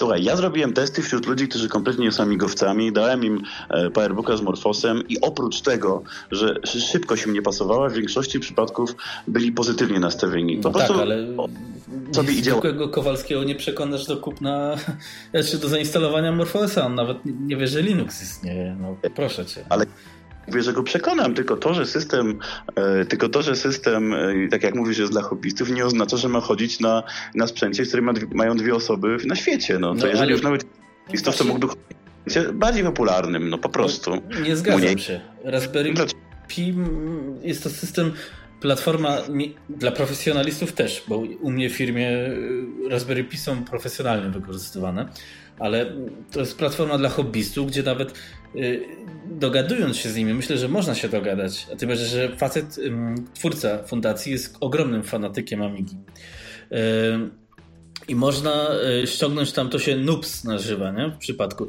w którym masz już systemy zdefiniowane więc startuje, wkładasz kartę SD i ci się Raspberry Pi opisuje ci. Ten system jest do tego, ten system robi to, sobie możesz kliknąć i zainstalować. To jest według mnie na popularyzację najłatwiejsze rozwiązanie, bo trafiasz do y, hobbystów, bo inaczej nie trafimy. Y, Ale z, tak, wiesz, no tyle, no. Tak, tak na, na moje, każdy, nie? No dobra, każdy hobbysta, który nawet dzisiaj ma malinkę i nie zajmuje się sprzętem retro, ma też peceta. Więc jeżeli system, e, ja nie mówię, że ma ktoś używać, ale jeżeli system ma zaistnieć, e, jakkolwiek świadomości w ogóle, że istnieje, no to powinien być możliwy do uruchomienia w jakiejkolwiek wersji na sprzęcie zwykłym, e, po to, żeby po prostu no, nie mógł ktoś, kto, no, no mówię, interesuje się przypadkiem czy nie przypadkiem, żeby mógł cokolwiek obejrzeć. Przecież zobacz, jak było kiedyś z QNX-em, który próbował, próbował wyjść trochę szerzej. To co oni zrobili? Właśnie zaczęli dołączać dyskietkę z demo, z demo wersją systemu, prawda? Dla zwykłych komputerów. No od tego się zaczyna. A co było z Linuxem? Też na, kiedyś nie był finansowany, nie można było na nim normalnie pracować, bo zwykłe, nie wiem, przestawienie rozdzielczości ekranu wymagało wchodzenia w pliki no, konfiguracyjne i tak dalej. Też używałem. No, i, I, po prostu nie dało się, ale, ale też promow- sprzęt, to znaczy system, no jeżeli ma mieć szansę zaistnienia świadomości ludzi, nawet nie używania, no to on musi gdzieś się pokazać. No jeżeli ktoś za każdym razem będzie musiał kupić e, sprzęt dodatkowy, to, to w większości przypadków to spali na panewce. Natomiast jeżeli rzeczywiście, jak mówisz, e, twórca Malinki jest takim fanatykiem i chciałby się porozumieć na przykład w formie jakiejkolwiek popularyzacji, to można by się zastanowić tylko, że to już wchodzimy w marketing, a ja nie sądzę, żeby ktokolwiek, y, czy jedna, czy druga strona chciała w jakikolwiek sposób będzie robić jakieś działania marketingowe w stosunku do y, jakiegokolwiek systemu wywodzącego się z Amigi. No, no a to mówimy które mają być oddolne, prawda? No, ale... Wiesz, to... ja powiem tak, bo to, to jest dobrze, co, co poruszyłeś, bo Linux był totalnym badziewiem, e, dopóki e, Canonical się za to nie wzięło, nie wpompowało kasę. Taka jest prawda i, i tutaj no, powinno być to samo, nie? To był trudny w obsłudze, to jest no, różnica. Nie, no, no dobra, no end no. user no. Kowalski na Piotrkowskiej, totalny badziew. Wiem, bo używałem przez 3 czy 4 lata. W końcu się tak zdenerwowałem, że stwierdziłem, że nie mam czasu życia tracić. To było 2007 czy coś i sformatowałem i tego momentu nie używam Linuxa. E, ale widziałem na Raspberry Pi, na przykład Ubuntu, jest jakaś ewolucja. Jest naprawdę fajny system, więc e, no ale to za tym jest kasa i właśnie oddolna inicjatywa. Tak, ale nie byłoby nigdy tej kasy, gdyby ten system miał działać na sprzęcie mało popularnym, bo nikt by się nie zainteresował. Powiedziałby, po co mam o czymkolwiek myśleć, tak jak mówisz Canonical, Novel, bo to tak naprawdę dużo firm się zebrało razem tych dużych, prawda, Sun, żeby, mm. żeby wpakować pieniądze i też to trwało wiele lat przecież. I teraz też wielu ludzi narzeka, ale e, niech sobie zobaczą, jak to działało 20 lat temu. No, po prostu naprawdę było dla hobbystów, dla maniaków, prawda, którzy chcą e, no, mieć coś innego i mają dużo czasu, jak mówisz, ale ale mm, no, gdyby ten system miał z założenia działać na czymś mniej popularnym, to nikt by się nigdy nie zainteresował jego finansowaniem jakimś większym. Oczywiście u nas to ja w ogóle nie marzę o takiej sytuacji. No, no, właśnie, no, ale, no, ale, no, ale jeżeli mam na wyboru system, który ma działać na bardzo mało popularnym sprzęcie i na troszkę popularniejszym, bo wiadomo, że to będzie wąski, ewentualnie wąska grupa jakichś tam komputerów, to jednak wolałbym, żeby był na sprzęcie bardziej popularnym, jeżeli jest taka możliwość, prawda? Natomiast jeżeli ktoś by e, jakąś rękę wyciągnął, prawda, z jakiejkolwiek strony, żeby gdziekolwiek, y, nie wiem, wrzucić, prawda, jakąś, nie wiem, domyślną dystrybucję, jakąś informację nawet o, o naszych systemach. Czemu nie? To można też pomyśleć, prawda? Natomiast ja, no, nie, ja nie sądzę po prostu, żeby, żeby taki system jak nasz mógł zaistnieć na, na urządzeniach z ARM-em. To jest jakby inny świat trochę. No, urządzenia przenośne, prawda? No to, to, to jest ta domena. Mm, e, tutaj mamy, mówimy o tradycyjnym korzystaniu z systemu. Tak mi się wydaje. Mhm. No dobra, no to ten, no. no mieliśmy zrobić dyskusję akademicką, czy przechodzić, czy nie, to właśnie robimy. Mm, e, znaczy, mówię, ja osobiście widziałbym to bardziej na Raspberry Pi, tak mi się wydaje, niż na przechodzenie na Intela, jeśli, a w ogóle myślę, że raczej bym tego nie widział, bo myślę, że to lepiej chyba rozwijać to, co mamy i w końcu i tak to się skończy, bo yy, amigowcy poumierają i to będzie wielki koniec, ale yy, może wobec tego lepszym rozwiązaniem jest yy, zamiast przechodzenia w ten sposób, to już to też kiedyś gadaliśmy, wziąć tego Linuxa i obudować go amigowym GUI, co zresztą ja na mm, fanpage'u Ami Wigilii czy Amiga Podcastu umieszkałem takie screenshoty, które dostałem od pewnej osoby i nie mogę powiedzieć od kogo, ale generalnie gościu miał wizję, że i zrobił to tak dobrze, że wiele osób się oszukało, że wiesz, masz jakby amigowy GUI, emulacja się odpala tak, że masz Deopusa z amigowymi okienkami generalnie łazi to pod Linuxem. To było też brutalnie zrobione, ale można to zrobić bardziej elegancko, jak zrobił to Mac, nie? Czy Apple. No tak, no tak, to można zrobić coś podobnego, rzeczywiście. E, ale takie próby już były e, kiedyś dawniej ogłaszane i amigowcy wcale nie byli e, skłonni mm, jakoś współpracować, ale mnie, mnie, się wydaje, że to jest kwestia po prostu zespołu, który by to zrobił przy jakimś tam finansowaniu pokazał, że działa fajnie. To, to co ty mówisz, widziałem mm, chyba te zrzuty, Generalnie no, Linux jest na tyle konfigurowalny, że możesz napisać dowolny desktop pod niego, prawda? I bardzo łatwo go wymienić. To, to, to po prostu nie jest tak jak, nie wiem, na Windowsie, że, jest bardzo dużo rzeczy zintegrowanych i nawet jak sobie zainstalujesz, to, to to nie do końca da się pewne rzeczy po prostu zmienić. Już nie mówiąc o tym, że to przecież nie jest darmowy soft, prawda? Natomiast tutaj, no ja nieraz na, na, nawet na nowszych Linuxach jak coś sprawdzam, instaluję sobie bardzo nietypowe desktopy i i wystarczyłoby napisać e, pulpit, który naśladuje amigowy. Zresztą taki pulpit istnieje, tylko on naśladuje e, system 3.1. Mm, wygląda to bardzo podobnie. Oczywiście nie, nie, nie jest w tym celu zrobione, żeby działało stare programowanie, ale taki pulpit jest. I w ogóle można sobie to uruchomić, taki oddzielny nie, nie, nie chodzi mi o zmianę wyglądu, tylko to jest osobny desktop po prostu. Mm. Natomiast y, no, to też nie jest rzecz, która jest rozwijana, ale, ale takie próby były. To, co ty mówisz, to jest jakieś rozwiązanie, tylko że mm, amigowcy zawsze chcieli mieć przedłużenie tego, co mają w systemie bezpośrednie. E, jeżeli wyjmiesz te wszystkie cechy e, prawda, amigowe wrzucić do Linuxa, to, to wiele osób może być zadowolonych, no bo będą miały ładne okienka amigowe. Programy mogą się nawet uruchamiać podobnie pewnie na okienku, no bo jakiś emulator w tle może działać. Ja sobie przynajmniej wyobrażam, że można to oprogramować mm, bez większego problemu. Natomiast, natomiast no, każdy ci powie, że no, jeżeli nie ma to jakiegoś, jakiegoś przyzwolenia, nie wiem, oficjalnego, prawda, producenta, który by się tym zajął, jakoś robił, implementował jakieś elementy, prawda, które są charakterystyczne dla systemu, no to to nie jest to.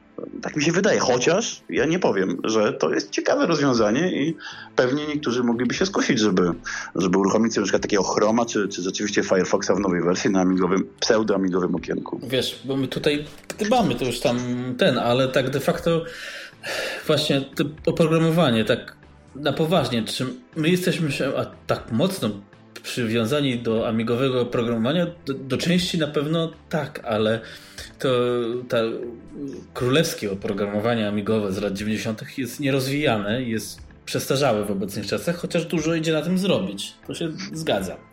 E, ale czy gdzieś też czytałem, czy słuchałem podcastu, e, że dzisiejsze czasy są tak zrobione, to się na przykład też Friend App do tego wpisuje, e, że twój system operacyjny jest właściwie odpalaczką jakichś programów, a przede wszystkim przeglądarki. Jest, w dzisiejszych czasach przestało mieć znaczenie, na jakim systemie operacyjnym pracujesz. Tak w sumie, nie? Bo najważniejsze jest oprogramowanie. Czy nie lepiej mieć nowego Gimpa, czy te Chromium na przykład i tam jakieś tam szczypta retro w postaci Super Froga, czy nawet y, Adeopusa 4 napisać od nowa, czy coś, żeby był file manager jak lubimy, ale y, no bo czy naprawdę musimy mieć te stare oprogramowanie, które jest przestarzałe jednak już teraz, nie? Mówimy Wiesz, to, to jest... o nowych czasach, nie?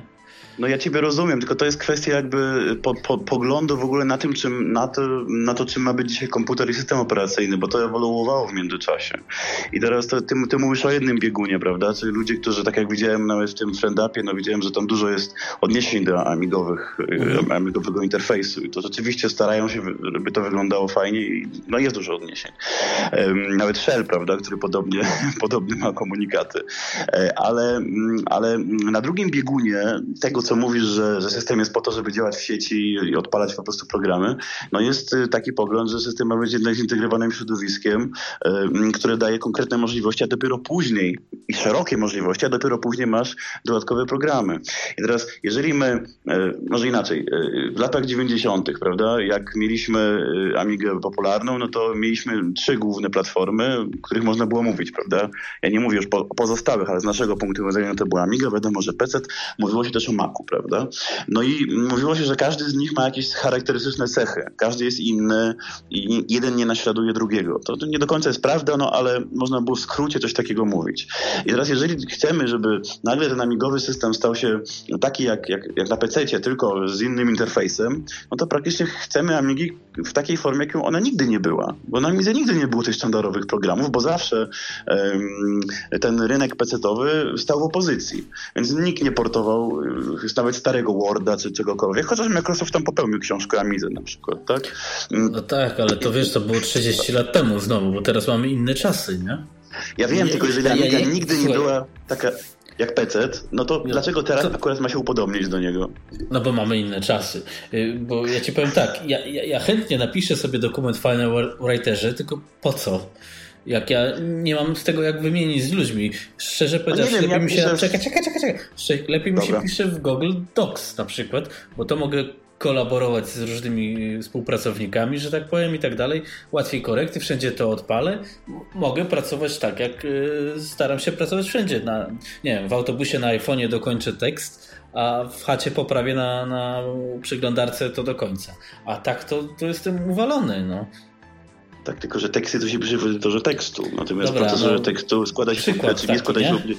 No tak, tylko że właśnie to jest ten przykład, na przykład ja się bardzo sprzeciwiam takiemu podejściu, bo ludzie piszą najprostsze dwa zdania, zapisują to w Wordzie, nie wiadomo po co. Tekst no się pisze w edytorze no to... tekstu, składa się w programie DTP, a procesor tekstu jest gdzieś po środku. E, I z tego punktu widzenia, jeżeli zaczniemy, e, zaczniemy funkcjonować normalnie, z mojego punktu widzenia normalnie po prostu, czyli bez tych naleciałości, PC-owych, bo to się zaczęło przecież od Microsoftu. Kiedy ludzie zaczęli używać na mocy potęgę Worda? Kiedy Microsoft zaczął im mówić, że to, można, że to może zastąpić edytor tekstu. Oczywiście to jest w wielu przypadkach wygodne, ja nie mówię, że nie, ale tak jak mówię, jeżeli się pisze prosty tekst, to dużo lepiej napisać zwykłym edytorze tekstu, przesłać sobie mailem, czy nawet jak mówisz gdzieś w chmurze i odczytasz to na wszystkim, prawda? Nie, no, ja nieraz sobie się, no. przesyłam takie pliki, nie wiem, przez serwer FTP na przykład. W czym jest problem? Problem polega na tym, że y, y, y, przeciwstawiamy takie zwykłe operacje, prawda, w stylu wysłanie pliku na serwer z usługami korporacyjnymi po prostu. No jeżeli chcesz mieć usługi korporacyjne, to musisz mieć PC, nie ma wyjścia. Hmm. Znaczy, no bo, nie, no, no bo nikt chce mieć to i to. No, wiesz, to, wiesz, i tak i nie, no bo na przykład ten tekst, są takie strony, gdzie możesz pisać czysty tekst, na przykład w Odyssey i on się będzie zapisywał na Dropboxie, który później możesz się dokończyć na telefonie, czy tam na no tak. Drive. No i masz czysty tekst, który się integruje, tylko e, no, moim zdaniem to jest ok, korporacja, ale e, to nie jest 85 rok, lata pionierów, gdzie nic nie było, tylko to, to jest inne czasy i każdy chce w miarę wygodnie pracować, a nie robić na okrętkę wszystko, nie?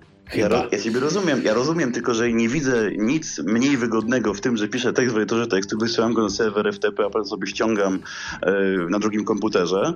E, w stosunku do tego, jak piszę tekst w Wordzie, wysyłam to na Dropboxa, a potem ściągam z Dropboxa. No tam, gdzie nie trzeba komplikować, to po co komplikujemy? Tam, no, gdzie trzeba, oczywiście. W wielu miejscach miał... trzeba, ale to akurat nie trzeba. Jakbyś miał natywnego Dropboxa pod MorphOS-em, no w sumie te Amiga Cloud Holders, ale taką aplikację jak masz normalnie, no to byś nie musiał tego ściągać, po prostu byś wszedł sobie do katalogu i ten tekst edytował. Nie? nie tak samo ściągasz, tylko wizualnie wchodzisz do to, Dokładnie taka sama operacja się wykonuje. Przecież mm. jeżeli. No tak, przecież no, jeżeli. No, tak naprawdę wykonuje się dokładnie taka sama operacja. E, tylko po prostu człowiek widzi edytor i nie musi zrobić jednego kliknięcia. Znaczy, mi nie o to chodzi, wiesz, bo można używać różnych usług, tylko ja na przykład używam usług, y, no często nawet, których niekoniecznie chcę używać, wtedy kiedy, no bo powiedzmy, że nie lubię tam Microsoftu czy jakiejś innej firmy, prawda? No ale po prostu jak widzę jakiś sens w tym, tak? Widzę sens na przykład w uruchomieniu, jak nie wiem, jakiegoś programu sieciowego, który po prostu pozwala mi jakąś funkcjonalność fajną uzyskać. Natomiast nie widzę sensu zastępowania e, najprostszych e, operacji jakimiś kobyłami, tak jak Dropbox, prawda? No, no to jest strona, która jednak jest, e, w ogóle strony dzisiaj są budowane wiadomo jak, tak? Mm, one są coraz większe, słabo optymalizowane i tak dalej. Tak samo jak nie widzę sensu zastępowania na przykład prostych stron internetowych, gdzie wymagany jest PHP i HTML bardzo w prostej formie, gdzie każdy powinien, no, prawda, informatyk umieć coś zrobić, ciągle jakimiś silnikami typu WordPress i bardziej skomplikowanymi. A takie rzeczy się dzisiaj dzieją. No, także I tak, moje pytanie jest... masz rację. Moje pytanie jest, gdzie jest tu wygoda po prostu? Nie, nie, to jest wygoda dla końcowego użytkownika, bo jak ktoś nie umie sobie prostej strony napisać, no to łatwiej mu stronę jest postawić na WordPressie. No i proste, dlatego to się popularne zrobiło, bo yy, cały świat dąży do tego, że, żeby. To, to, ja rozumiem, że to jest złe, no bo w pewnym sensie. E, bo tak jak nawigacje nas obgłupiają, nikt już nie umie poruszać się samochodem, czy nawet pieszo bez nawigacji. Sam to wiem po sobie, e, że, że bez, bez nawigacji w telefonie czuję się jak bez ręki, e, a, a kiedyś bez problemu człowiek ogarniał. Mm, I to jest wada, bo człowiek głupieje, ale jednocześnie nie możesz wymagać, że nie wiem, moja kobita czy pani z Mięsnego y, mi tu odpali serwer FTP i tam wyśle pliki, no bez jaj, no to, to, jest, to, to jest dla geeków. Wiesz, to wymaga trzech kliknięć i wystarczy ją nauczyć przez 10 minut i będzie to miała robić. Wejście w program, kliknięcie na serwer, robienie send, a potem robienie e, receive, prawda? No, to naprawdę ale na nie jest telefonie już tak łatwo nie jest na przykład z FTP, No, ale wiesz co, na telefonie to jest w ogóle dzielna sprawa, bo ja sprawdzałem nieraz na Androidzie przynajmniej, że y, w ogóle przeglądarki internetowe potrafią w ogóle protokół FTP nie obsługiwać przynajmniej nie w pełnym zakresie, to jest oddzielna sprawa. No bo FTP jest ale wiesz, chyba już właściwie, no.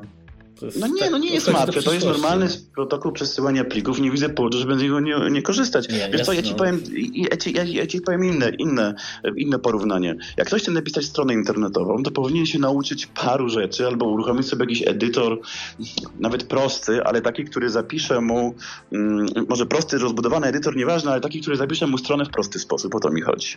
Natomiast y, to, to co ty mówisz, to jest takie podejście, jak ja dzisiaj widziałem reklamę Lexusa, gdzie pokazano pokazanych było pięć różnych systemów w reklamie, które powodują, że rozumiem, że, y, że kierowca będzie już niedługo niepotrzebny, prawda?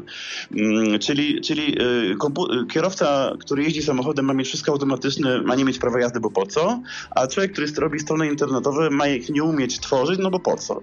To w tym momencie ludzie staną się niedługo półalfabetami, no bo tam, gdzie nie muszą czegoś robić, nie będą mieli wiedzy, a ponieważ w coraz większej ilości miejsc nie muszą mieć tej wiedzy, no to będą leniwi, tak? Ja rozumiem, że tak jest fajnie, no tylko, że uważam, że trzeba jakiś zachować dystans i równowagę i wtedy jest najlepiej. Ja też używam wielu usług now, przecież nowoczesnych, ale no tam, gdzie nie trzeba, no po prostu nie komplikuję sobie sprawy. Nie no, to ja to rozumiem, ale fakt jest taki, że już przewiduje się, że za, nie wiem, 20 lat y, y, te pokolenie dzieci, które się rodzą, prawdopodobnie nie będą potrzebowały posiadania prawa jazdy. Bo generalnie prowadzenie samochodu, ja lubię prowadzić samochód, ale to jest czynność beznadziejna, prymitywna i zabierająca czas. A z drugiej strony, mm, tak jak ty mówisz o tych stronach, to ja się zgadzam, że fa fajnie się nauczyć i, i tak dalej, ale gdyby tak było to wymagane, wiele ciekawych blogów by na przykład nie powstało. Lub na przykład nie mógłbym zrobić Amicast Playera, bo nie umiem programować. Tylko musiał. Fakt, program jest badziewny, no bo jest wyklikany, ale mm, gdyby nie było takiej możliwości, to by w ogóle nie powstał na przykład, nie? No tak, tylko ja nie, nie, ja nie postuluję, żeby nie było takiej możliwości. Ja tylko postuluję, żeby człowiek, który ma tworzyć strony internetowe, e, wykazał trochę wysiłku, żeby poznać jakikolwiek sposób ich, ich konstruowania. Ja, ja nie mówię tak, wiesz co, z zasady. Podam przykład. Ja brałem udział w tworzeniu e, stron internetowych świadomych e, Dni Młodzieży, które były w Polsce niedawno. Była batalia najpierw o to, żeby nie korzystać właśnie z gotowych silników, dlatego że, a przynajmniej tam, gdzie nie trzeba, w ograniczony sposób, dlatego że strona miała być prosta, szybka, działająca na wszystkim, bo okazało się, że strona e, przewidywane było, że będzie oglądana też w jakichś tam krajach, gdzie, gdzie komputery no, nie, nie stoją najlepiej, tak delikatnie mówiąc. I jednocześnie chcia, chcieli wykorzystać silniki.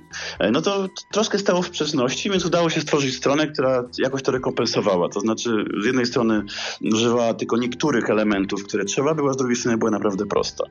Ale w pewnym momencie okazało się, że muszą się zmienić ludzie do obsługi. No i pojawili się, pojawiły się nowe osoby, które były zdecydowanie młodsze, które nie potrafiły pisać nawet w zwykłym HTML-u zwykłych znaczników typu bold, italic, underline. Z tym mieli problemy, bo oni zawsze to robili w WordPressie albo w czymś podobnym. I mhm. chcieli mieć na stronie edytor wizualny. I teraz się pytam, czy ktoś, kto jest odpowiedzialny za tworzenie strony, jest informatykiem podobno, bo to byli ludzie, którzy byli podobno z wykształceniem informatycznym, 20 tam, prawda, parę lat. Czy taki człowiek ma rzeczywiście niczego nie umieć? No dla mnie to jest nie, po prostu chore. To, to jest przerażające, dlatego się... Natomiast, na, Natomiast dla przeciętnych ludzi niech sobie te kreatory będą, ja nie mówię. Tylko A, dzisiaj, tylko, że dzisiaj, jeżeli ja chcę zrobić prostą stronę, to nawet jeżeli nie znam HTML-a, to mogę uruchomić jakiś prosty edytor, y, nawet sieciowy, prawda, który mi zapisze stronę w HTML-u w sposób wizualny. Tak? Jeżeli chcę zrobić skomplikowaną stronę, to lepiej się nauczyć czegoś więcej. Tak? Natomiast zawsze były tak zwane kreatory, tak? przynajmniej od czasów jak PC stał się popularny, zawsze jakieś takie strony, prawda, y, które można automatycznie tworzyć blogi czy inne rzeczy będą i w tym nic złego nie ma. Tylko problem polega na tym, że ludzie, którzy powinni powinni pewne rzeczy umieć, przez to właśnie, co się dzieje, y, y, no, już ich nie potrafią i potem jest, jest narzekanie, że strony są bardzo, bardzo rozbudowane i ciężkie. No właśnie dlatego. To się, to się zgadzam i to jest, wiesz, pozytyw jest tego taki, że prawdopodobnie mogę się przekwalifikować i być informatykiem, bo wiem, co to jest HTML i WordPressa też obsłużę, więc prawdopodobnie mogę mieć drugi zawód yy, w dzisiejszych czasach wychodzi na to. Myślałem, że ten. A to jest przerażające, to tak wiesz, jak to moi koledzy z pracy mówili, jak widzę dzisiejszych inżynierów, to się boję iść do lekarza, nie? Więc, no mniej więcej. To tak może Tyle, być to że tak jeszcze wejdę w słowo, ale mi się też wydaje, że po prostu ludzie, którzy używają komputera na co dzień, którzy w ogóle dyskutują tak jak my na temat tworzenia stron internetowych na przykład, prawda, to też nie są ludzie, którzy tak po prostu uruchamiają komputer i sobie, nie wiem, pykają w jakieś gry. No bo to są ludzie, którzy się czegoś więcej, czymś więcej już interesują, prawda, jeżeli ktoś myśli o stworzeniu własnej strony. Mm, czy zawsze były, zawsze były, mm, zawsze, no w każdym razie dłuższego czasu, prawda, różne edytory wizualne i to spokojnie zastępowało mm, możliwość tworzenia prawda, stron od podstaw było łatwiej, szybciej i tak dalej. Natomiast to, co się dzisiaj dzieje, że wszystko ma być w sieci, mm, kompletnie mi się nie podoba, aczkolwiek rozumiem, że niektóre rzeczy no, muszą być, prawda, muszą być, bo nie zatrzymamy rozwoju. Natomiast no, jakiś, jakiś trzeba, jakąś równowagę trzeba złapać, a tu jest trudno. Okej, okay, zboczyliśmy z tematu ogólnie. No jak, jak zwykle, ale możemy wrócić zaraz do niego. Myślę, że podsumowanie wypadałoby jakieś zrobić. Mm, no i właśnie podsumowanie. Rozumiem, że ty widzisz sens przejścia na Intela dla tysiąca osób. Wiesz co, ja widzę sens przejścia, jeżeli mogłoby być wykonane yy, no, powiedzmy paru tysięcy może, bez przesady. Yy, natomiast no ja wiem. Natomiast jeżeli rzeczywiście miałoby to wyglądać w ten sposób, że, wszyscy powiedzą, że no nie mamy na tyle dużo e, programistów i siły, żeby, żeby to przenieść cały system i to po prostu spali na PNFT, to oczywiście nie ma o czym mówić. No, ale jeżeli już się takie informacje pojawiły, to ja rozumiem, że ktoś, kto mówi, no jest na tyle odpowiedzialny, że chyba jakichś strasznych głupot nie rozpowszechnia. Mam taką nadzieję przynajmniej. Ja bym po prostu chciał, żeby było szybciej. No, bo nie ma żadnych oficjalnych trzeba. informacji, nie? To tylko są to y, takie nieoficjalne potwierdzenia, pozakulisowe albo wpółkulisowe. No, MorphOS y, nie w sumie nie zapowiedział oficjalnie, nie powiedział za rok damy wam Intela. I teraz jest tak, pytanie, tak, czy jeśli ten proces będzie trwał, nawet jeśli się zdecydują 5 lat, czy, czy to jest w ogóle sensem, bo y, liczba użytkowników spada. Programiści też się wyłamują z przyczyn naturalnych nie tylko. Y, ja nie wiem, czy ja bym chyba wolał osobiście, żeby jednak ktoś się jakoś trochę dogadał i wziął to Odyssey na, nie wiem, tego web, web. Też było na Amiga NS jest dyskusja, zadałem pytanie, bo mm, jest taki Tobias Wetzel chyba, czy coś, Niemiec, który tego WebKita aktualizuje na Maca PowerPC, ale ja, ja się go tam kiedyś pytałem, ale z naszych deweloperów chyba się nikt go nie pytał. I tylko wszyscy, o Boże, o Boże, Odyssey, webki ciężko to to nie, nie da się. Ja się zapytałem, czy ktoś w ogóle do niego zagadał. Nie ma odpowiedzi. To chyba jednak bym wolał, żeby się nasi amigowi programiści jakoś skrzyknęli, może z tym facetem pogadali, może mu pomogą w czymś, może on w czymś pomoże i coś, coś napiszą, bo na moje przejście na Intela, AMD czy nawet Raspberry Pi to jest bujanie niestety w obłokach, a jak przechodzić, to ja bym przechodził na jądrze Linuxa. Znaczy wiesz, no to co w ogóle jest możliwe do wykonania, to jest oddzielną sprawą, prawda? Bo to, bo to rzeczywiście może tak być, że, że, że zanim oni by to zrobili, to dawno już by wszyscy ich pogrzebali, prawda? Natomiast ja mimo dużych, prawda, sympatii dużej do, do, do zespołu Morfosa, no jednak to, że oni nie, nie dają żadnych informacji na temat jakiegoś um, dalszego rozwoju, czy może inaczej, są jakieś informacje na forach, ale one są nieoficjalne, czy jakieś tam dopuszczane po prostu pokątnie. To też nie wywiadów na przykład, no nie? ale tak, to też nieoficjalnie w sumie. Optymizm to w ogóle nie napawa. Natomiast y, problem polega na tym, że y, no, wydaje się z tego, co oni mówią, że rzeczywiście przeportowanie tego webkita y, po prostu jest niemożliwe praktycznie, no bo jeśli nawet by się zebrali i raz to zrobili, to za prawda, rok czy za pół roku będzie znowu problem. Um, ale z tego punktu widzenia wydaje mi się, że trzeba było przejść na, na nową architekturę, no będzie szybciej i będzie łatwiej. Ale to powiedz mi, jak to realizuje Linux PowerPC, który też coraz mniej popularny jest, ale tam jednak jest, nie wiem, nowy Firefox czy Chromium, nie wiem, Firefox jest na pewno, nie? I obsługuje współczesne strony. Nie, nie, nie można stamtąd y, podpatrzeć źródeł. Ja nie jestem programistą, ale skoro tam to jest możliwe, a u nas jest to niemożliwe, to jest coś dziwnego, nie? Nie no, prawdą jest to, że, że nawet na, na Macu, prawda, który ja używam przecież z Morfosem, można sobie Linuxa uruchomić Ubuntu w nowej wersji. No nie, nie chcę strzelić teraz, ale sprzed chyba roku czy dwóch. To, to jest jakaś wersja. tak? Chyba tak. Mm, Z zeszłego roku wydaje mi się, że to jest. support, nie? Tak, ale tak. I to więc, to, to, więc tam jest dużo, dużo nowsza wersja wszystkiego. I to rzeczywiście działa. Może nie działa najszybciej, ale, ale te wszystkie podstawowe rzeczy łącznie z Firefoxem faktycznie są. A strony na Firefoxie chodzą? Bo ja też pytałem się chyba na forum Hyperionu, ale nikt mi nie odpowiedział oczywiście, no bo to tajna informacja. E, czyli ten Firefox na PowerPC rozumiem, że jest normalny, nie jest wybrakowany, nie ma braku tego just in time czy czegoś tam, tak? Czy to znaczy, ma, powiem Ci, że ja aż tak dokładnych testów nie robiłem, natomiast po uruchomieniu robienie powiedzmy, e, po, po, po, po sprawdzeniu e, przez jakiś czas, plus e, robienie powiedzmy testy jakimiś stronami, które można obejrzeć, no jest to odpowiednik mniej więcej, może troszkę starszy, ale odpowiednik mniej więcej tego, co, co mamy w tej chwili. A z tym, że to też jest z jakimś tam opóźnieniem, zdaje się, ale niewielkim. No tylko zobacz, jaki jest, jak, jak jest rozwinięty Linux, ile ludzi go używa i ile ludzi um, po prostu swoje środowisko ma. O, tak samo no, jak Mac PowerPC nie jest już tak rozwinięty. Używa go tam może ile? Dwa razy więcej niż amigowców? No, przesadziłem, ale... Wiesz co, nie wiem, bo weź pod uwagę, Weź pod uwagę, że mimo wszystko na y, w ogóle PRP, Linuxy na PRP też ciągną różne rozwiązania serwerowe, których nie widać, a jednak one są jeszcze używane y, i ciągnie to trochę też po prostu ten no, rynek, który jest no, w cudzysłowie przemysłowy, tak? Więc jest tu sporo dużych firm, które, które mogą coś sfinansować, czy nawet przez pryzmat ich ludzie mogą coś robić. Oczywiście ja nie mówię, że, że jest cudownie i super, bo to się też skończy, prawda? Ale jednak tam jeszcze się dużo dzieje. Myślę, że gdybyśmy mieli tyle użytkowników użytkowników amigowców, to byśmy się cieszyli. No tyle tylko, że tu jest problem y, szerszy, prawda, bo, bo gdyby to raz wystarczyło zrobić, to inaczej, a jeżeli trzeba to na stałe, byłoby inaczej. Jeżeli na stałe musisz to aktualizować, no to jest problem.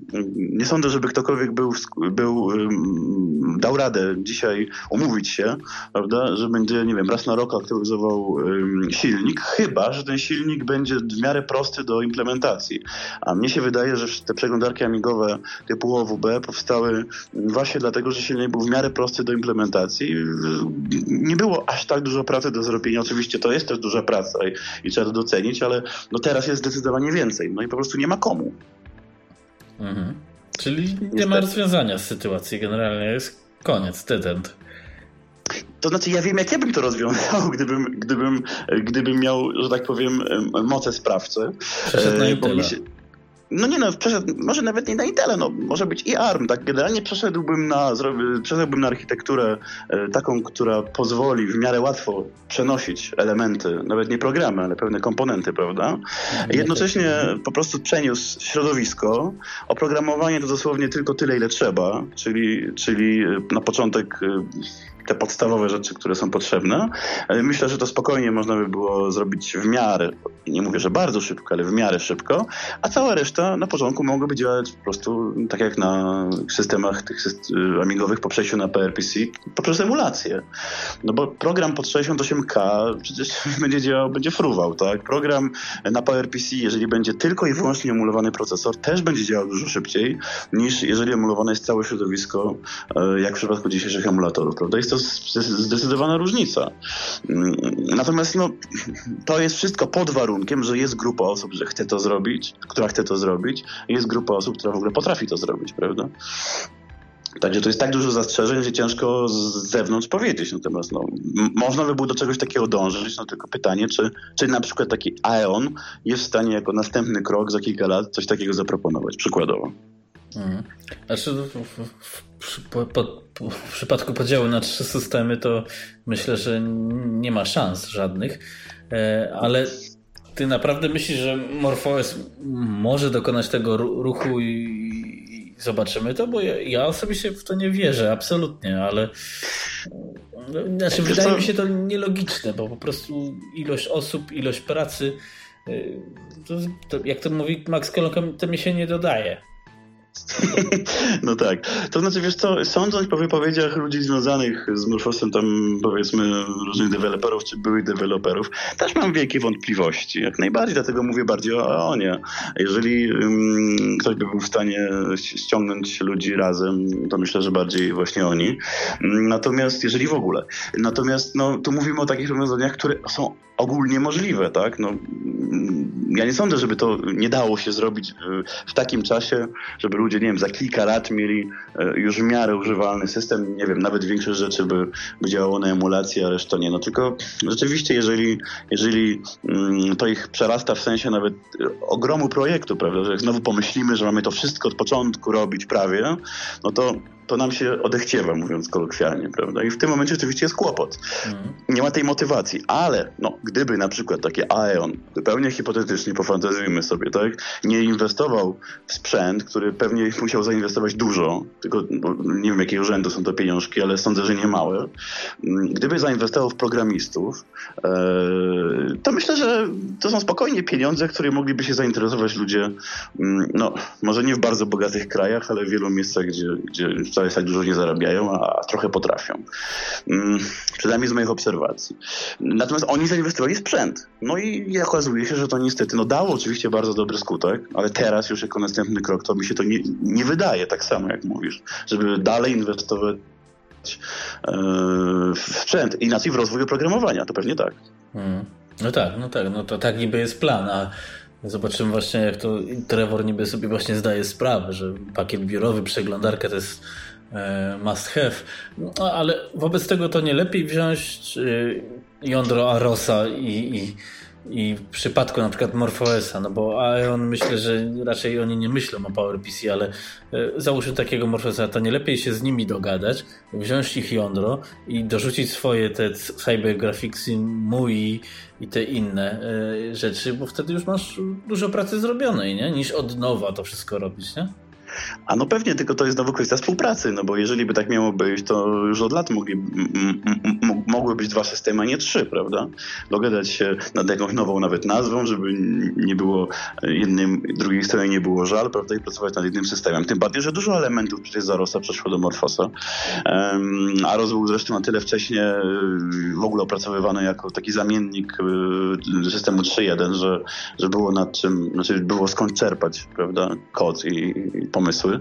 Mm, natomiast no, jeżeli żadna strona nie chce też współpracować ze sobą, a przecież w historii się okazywało wiele razy, że nie chcą mm, i wolą porzucić projekt nawet, e, no to, no to jest kłopot, prawda? Także tutaj mm, kwestia współpracy. Tu mi się wydaje, że tu chyba powinien MorphOS z tym wyciągnąć rękę, bo ich jest więcej, a, a ROS to jest chyba aktywnie, co tam było wspomniane, to może jest pięć osób, więc um, to wiesz, no Być nie, może, nie wiem, ja... no, tylko że to jest sobie tu chyba te amigowe yy, życie programistów polega na tym, że każdy sobie rzepkę skrobie, a to, co chcą użytkowniki, to nie, użytkownicy, to nikogo nie interesuje, no bo ja mam takie wrażenie, no bo znowu przykład Odyssey, nie? Wiesz co, ja ci powiem tak, że ja zawsze krytykowałem zespół Morfosa na przykład, że jeszcze w czasach, kiedy on zaczął powstawać, jeszcze w czasach, kiedy Amiga 4 był nawet w powijakach, prawda, no generalnie na tym etapie, kiedy, kiedy to wszystko od PRPC miało dopiero być dopracowane, zawsze ich krytykowałem za to, że nie mają żadnej wizji, to znaczy, że po prostu zebrało się parę osób i sobie powiedziało tak, ja napiszę to, ja zrobię to, a ty mam pomożesz mi przy tym, prawda? I z tego punktu widzenia, jak były ogłaszane różne plany na rozwój Amiga 4, wyglądały zawsze bardziej spójnie i byłem no jakoś tak, e, jakoś tak sensownie bardziej po prostu zebrany i jako wspólny projekt. E, e, zawsze mi się wydawało, wtedy przynajmniej, że, że to ma szansę mm, dużo szybciej się rozwijać, tak? No bo ludzie są bardziej zebrani, mamy pomysły, mamy jakiś, jakiś, jakiś, jakiś konspekt, chociaż wstępny, co robić i tak dalej. Niż, prawda, siedzimy sobie w grupce i co chwilę ktoś, ktoś podaje, że a może zrobię to czy tamto. No ale jak się okazało w historii, niekoniecznie jest taka wielka różnica, tak? Bo te systemy się mniej więcej dogoniły, bo teraz w wielu miejscach Migros 4 ma, ma, więcej zrobionych rzeczy, no ale to nie jest taka przepaść, tak, która by mówiła, że ojejku, tu mam, mogę obsługiwać bezpośrednio, prawda, internet i nie wiem, co tam mam, a, a, a na drugim systemie już ledwo co działa, tylko mimo wszystko i przeglądarka jest podobna e, i, i natomiast no, są szanse na rozwój, tak, natomiast mm, wtedy mi się wydawało, że to może pomóc, a dzisiaj widzę, że e, praktycznie po obu stronach jest chyba coś takiego, że no, je, zrobię coś dzisiaj, a co będzie jutro, to już, to już nie myślę. Tak? I w tym układzie, no rzeczywiście, no, jeżeli się ludzie wykruszają, bo jeden człowiek stwierdził, że wróci do klasyka, a drugi stwierdził, że mu się nie chce, a trzeci no, niestety na przykład był i szedł, prawda, co też się może zdarzyć, no to, no to siłą rzeczy jest, jest jak jest i, i w tego punktu widzenia lepiej dopracowywać to co, to, co mamy. Zawsze na jakiś czas jeszcze starczy, a jak nie, no to będzie można używać Retro 2. Mhm. No właśnie tak się zastanawiam teraz podczas tej dyskusji, czy ten biedny Aros nie jest najbardziej poszkodowany, bo z tego co rozumiem, to wszyscy z niego brali, a nikt mu nic nie dał. I, I został najmniej popularnym, najmniej dopracowanym, tak, tak jak mówiłeś, dla mnie też są takie odczucia, systemem, który niby działa na normalnym PC, ale bez wirtualnej maszyny i tak go nie uruchomisz, a jak go uruchomisz, to i tak tam nic nie ma. Gdyby faktycznie Odyssey tam nie było, to by nie było żadnego oprogramowania po 20 latach czy 30. Znaczy, aż tak źle to nie jest, bo rzeczywiście na wielu sprzętach teraz już potrafi działać. Mm, no tak, ale wiesz co, coś w tym jest. To znaczy, mm, chodzi mi o to, że mm, y, y, na pewno to niedopracowanie Arosa wynika też z tego, co, co wielokrotnie już było mówione, że po prostu y, ilość sprzętu do oprogramowania, jakichś sterowników, chipsetów i tak dalej jest tak duża, że on nie może na każdym sprzęcie działać, a znalezienie tego, który będzie faktycznie dobrze działał, jest pewnym problemem. Nawet dzisiaj przy Linuxie jest problem z różnymi sterownikami do kart graficznych, też przez to, że producent na przykład nie chce koniecznie współpracować tak chętnie. E, mimo, że przecież tam są dużo większe pieniądze i, i że dużo firm, nawet dużych, produkuje sterowniki do nie wiem, drukarek, skanerów czy innych rzeczy mm, właśnie pod Linuxa. E, natomiast to jest w ogóle problem podziałów, tak? No ale ten problem wynika z historii tam od lat 90., przynajmniej 20 lat, prawda, kiedy w ogóle komputery zaczęły się rozwijać na tyle, że trzeba było je rozbudowywać, a nie wymieniać na kolejne, kiedy się te realia zmieniły. No i nie sądzę, żeby się coś tutaj rzeczywiście poprawiło. Ja się cieszę, że dzisiaj mogę używać jeszcze mm, Morfosa jako, jako główny system. Mam nadzieję, że jeszcze trochę się poprawi, że może coś w tej historii się jeszcze wydarzy. No jak nie, no to trudno. E, więc e, jeszcze zawsze biorąc pod uwagę, że Amigos 4 jeszcze się rozwija i, i, tak naprawdę rozwija się dużo, e, przynajmniej tak z punktu widzenia oprogramowania, które, które jest poprawiane, powstaje tak dużo, dużo mocniej niż, niż, niż Morphos, no to mam nadzieję, że jakieś przedłużenie na jakiś czas jeszcze, jeszcze będzie. A to, że prawda, to wszystko się skończy, to się już mówi też od 20 lat, także miejmy nadzieję, że jeszcze trochę pociągnie. Czyli jednak Raspberry Pi tak, tak, taka konkluzja. Tak, taka no, konkluzja. tam, masz, tam podejrzewam, że masz chyba dokumentację dostarczoną i tak dalej, więc generalnie nie masz problemów, e, że ktoś ci nie chce dać dokumentacji do napisania sterowników, ale to tam nieważne. Eee, no tak. Myślę, że może już byśmy kończyli, czy jeszcze będziemy ględzić? Ja to, słuchaj, ja mogę, ale nie sądzę, żebyśmy mieli się tak, prze, tak aż przedłużać, prawda? No myślę, że tak. Że to jest, wiele słów myślę, można powiedzieć. Bardziej to temat do dyskusji w komentarzach, które mam nadzieję, że y, tutaj y, nastąpi bez zbędnych zgry, zgryźliwości, bo to jest, wydaje mi się, że to jest bardziej dyskusja akademicka y, niż, niż faktycznie taka, która na cokolwiek się przekuje. No. Na połączenie systemów nie widzę, ani wspólnego przejścia na Intela też nie widzę. E, więc e, no zobaczymy, no ale to jest no. E, ciekawe. Najwyżej w ostatecznym rozrachunku wszyscy zostaną na emulacji, tylko jeden będzie emulował klasyka, a drugi będzie emulował e, NG. Też tak może się zdarzyć, że jak za parę lat już PC będą e, jeszcze szybsze, chociaż mam trochę wątpliwości, jak ten rozwój pójdzie, no ale powiedzmy, że w ogóle sprzęt będzie bardziej wydajny pod różnym względem, to się okaże, że uruchomi się emulator i, i też się będą ludzie cieszyć. Tak? No ja bym tego nie chciał. Właściwie to znowu trzeba wrócić, bo w amigowym świecie może nie gruchnęło, ale przewinęło się, że Amibian, czyli ta Amiga pod Raspberry Pi, i, yy, powstała wersja w JavaScriptie, którą odpalasz w przeglądarkę. Ja jeszcze się tym nie bawiłem, coś tam poczytałem tylko wstępnie. Yy, pytanie, czy to tak my nie skończymy, no bo zobacz, że ten świat idzie w tym kierunku i, i co też wykreśla Google ze swoimi Chromebookami i tak dalej, gdzie systemem operacyjnym jest Chrome w cudzysłowie, no ale to mniej więcej tak to działa. Y, nie wiadomo, czy to, to nie jest jakieś niestety rozwiązanie, którego rozumiem nie lubisz, bo jest e, bardziej sieciowo, e, więc rozumiem pewne obawy, ale to może być taki trend. Przynajmniej dla klasyka, no bo dla e, PowerPC, no to wiesz, Amiga NG raczej nie przetrwa w większej świadomości, a klasyk ostatnio coraz lepiej się broni nawet w mainstreamie. No. No prawda. Wiesz co, ja myślę, że to, że w ogóle tego typu rzeczy w sieci będą w tej chwili no, coraz więcej gier, nawet już takich, prawda, które kiedyś nie było w ogóle można było pomyśleć, że one się pojawią jako wersje sieciowe, a dzisiaj mamy to na porządku dziennym. Także y, pewnie, pewnie takie usługi będą i one mogą być w miarę nawet popularne, prawda, na, na zasadzie alternatywy dla emulatorów. Natomiast no, to, co możemy pozytywnego przecież powiedzieć, no to co, no, mimo wszystko systemy NG posunęły do przodu amigowe oprogramowanie w jakimś stopniu, y, właściwie w dużym stopniu, natomiast na jakiś czas.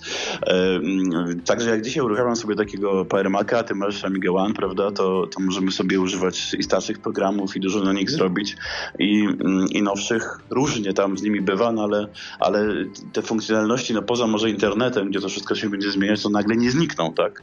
No, nie, no tak. zniknie nagle sobie składać e, publikacje na PageStreamie. Jestem zadowolony. Tym bardziej, że 20 lat temu można było, minęło 20 lat można było i minie kolejne, kolejne lata i też będzie można. Natomiast no cóż, no, pewnie jest nieuniknione dla każdego, że trzeba mieć jakiś inny sprzęt, no bo przecież nagle się nie pojawią wszystkie rozwiązania na tak niszowy system. Ale mimo wszystko fajnie by było, żeby w jakiś stopniu było to rozwijane, żeby mimo wszystko coś się działo w środowisku. No i jak się tyle lat już dzieje, to chyba jeszcze trochę podzieje, no bo ludzie dzisiaj na tyle dużą, na tyle duży wiek osiągnęli, że tak powiem, e, że jeżeli już lubią to Amigę i działają, no to też e, tak nagle chyba nie odejdą wszyscy od, od, od, od tego tematu. Ja mam taką nadzieję. No tak, optymizmem mm, napawa, można powiedzieć, e, brak tych stu rejestracji tych usług Dropbox i Googlebox w, w amigowym środowisku, które już, nie wiem, szacowane na 10 tysięcy osób czy więcej. Więc ja widzę świat, świetlanie naszą przyszłość. Wiesz, to za, no wiesz, no, wiadomo, że zawsze można znaleźć dziurę w całym, a tutaj nie trzeba szukać, prawda? Ona jest no po prostu. Natomiast, tak jak, tak jak wcześniej powiedziałem, no, Dropbox to też nie jest na najlepszy może przykład, ale no, to pokazuje rzeczywiście, no, jak jest jakaś słabe środowisko, wiadomo, no, to, to jest druga strona medalu. No, no, no, no, to, no tak, no to wiesz, no to akurat taki przykład, na przykład to jest też e, Odyssey w wersji nierozwijanej albo Ibros, który mówiliśmy w, w newsie, który po tylu latach jest zaktualizowany właściwie o, o cyfrę, bo tam nic sensownego się nie zmieniło. E, więc e, no, e, wiesz, to jest w pewnym sensie przerażające, no. no ale tak jest. Ja na koniec powiem taką rzecz, że jak y, dzisiaj piszę, czy tam powiedzmy y, o, o, systemach y, Boże, klasycznych, tak jak o 3.1 na przykład, i to już minęło tyle lat, prawda, 25 lat, y, a mimo wszystko po, mamy te Amigi, te systemy NG, no to za 20 lat czy tam za 15 lat będziemy pisać o tym drugim i czytać i może się pojawi w świadomości ludzi e, jednak cokolwiek więcej niż tylko te, te stare klasyki, bo one już kiedyś też odejdą, prawda? Mhm. Mm. Zupełnie. I może ktoś jednak zainteresuje, że kurczę, niektóre rzeczy miały nowsze, no tak jak Atari też ma nowsze tam mm, systemy, prawda, i sprzęt pod FPGA. No ci powiem tak, ale była sonda na PPA i mnie to przeraziło, że większość ludzi woli system 3.1, a nie 3.9 który ja uważam 3.9 mimo swoich wad jest dużo lepszym systemem niż 3.1. No ale widać, że moim zdaniem amigowcy lubią stary, dobry, nieaktualizowany koszer. Wtedy jest elegancko, bo tak to jest za nowocześnie.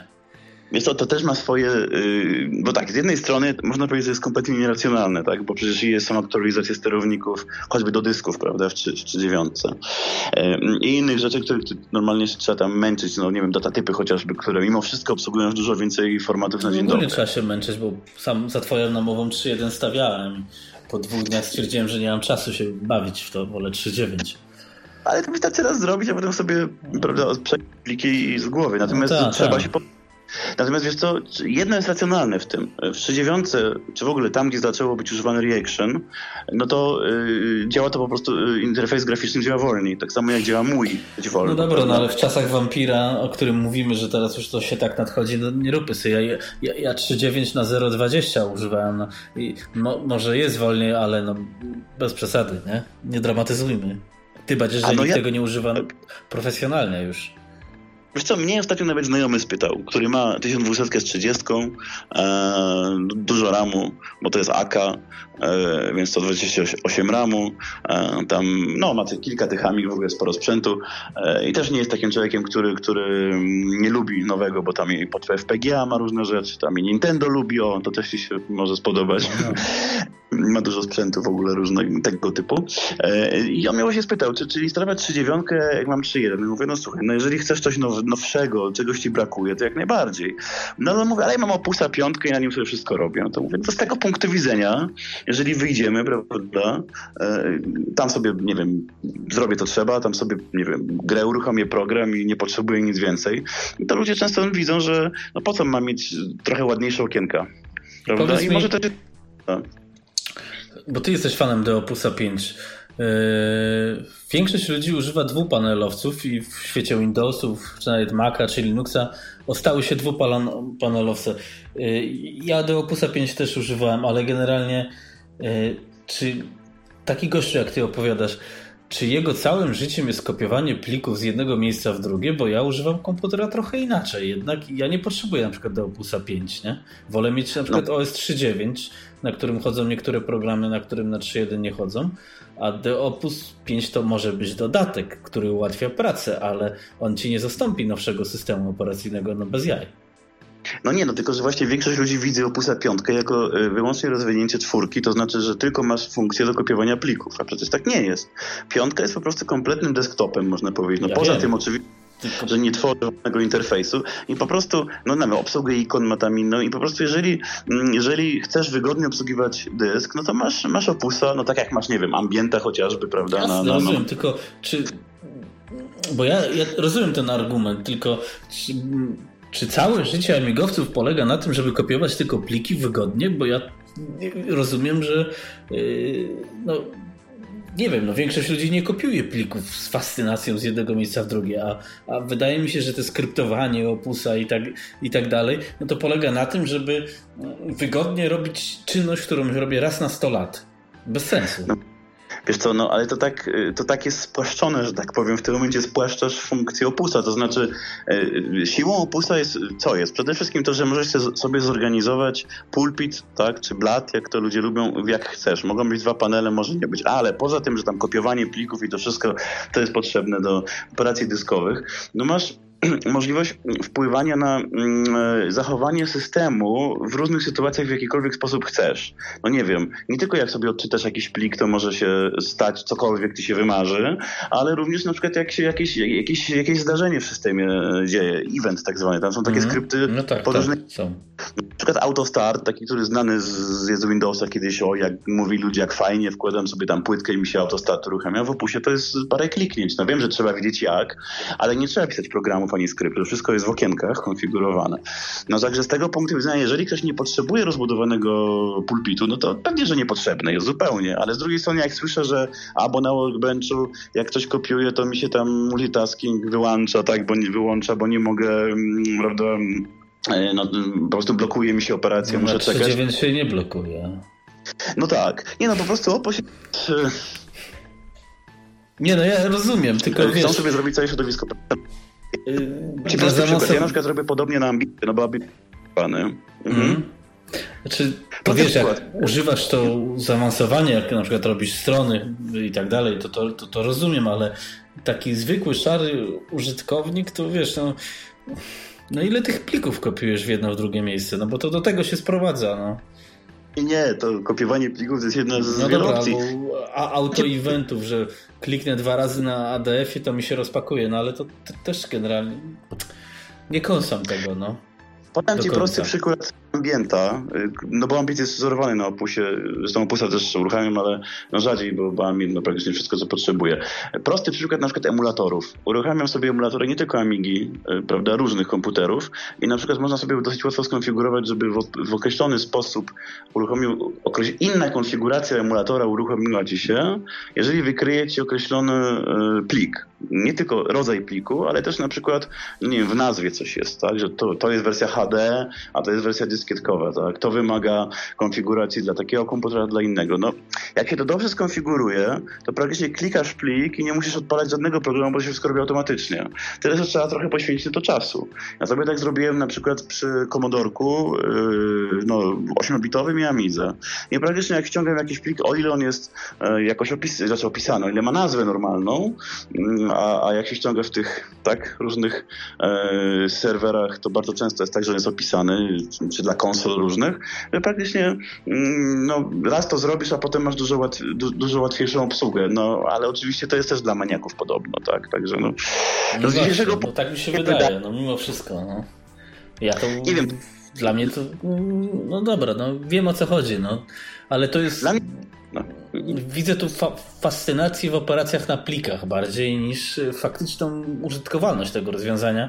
Jeśli nie robię tego faktycznie, wiesz, jeśli bym na przykład testował wszystkie e, ADF-y, jakie Amigo były i to, to, to, to, taka konfiguracja się przyda, ale jeśli odpalam jakiegoś ADF-a raz na rok i konfigurować całe środowisko, żeby automagicznie mi coś tam robił, no to jest bez sensu dla mnie, nie?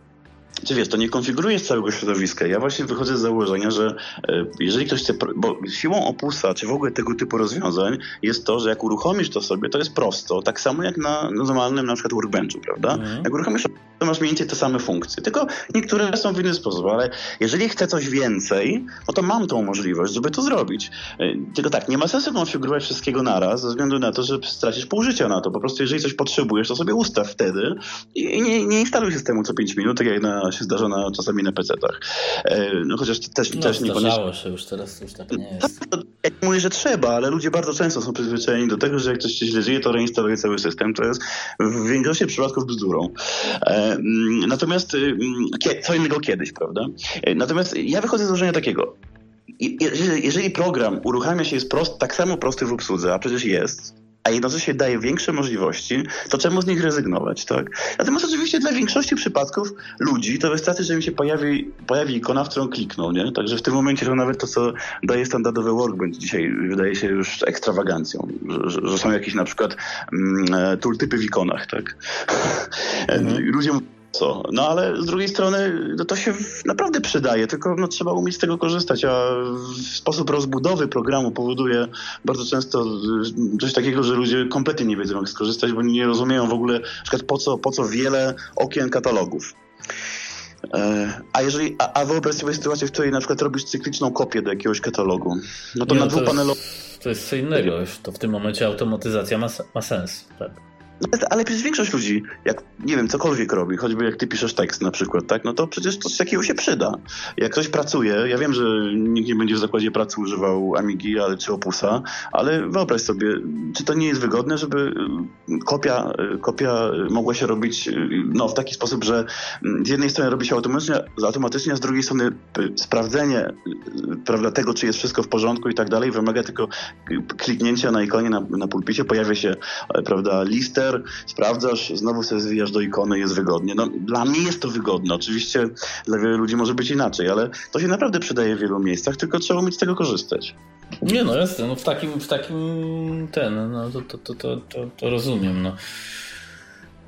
E, no dobra, ale to znowu zbo zboczyliśmy, wyszło na to, że 3.9 jest lepsze. Dziękuję. Niech ci będzie. ja żartuję. Jest to po prostu tyle punktów widzenia, ile ludzi. No.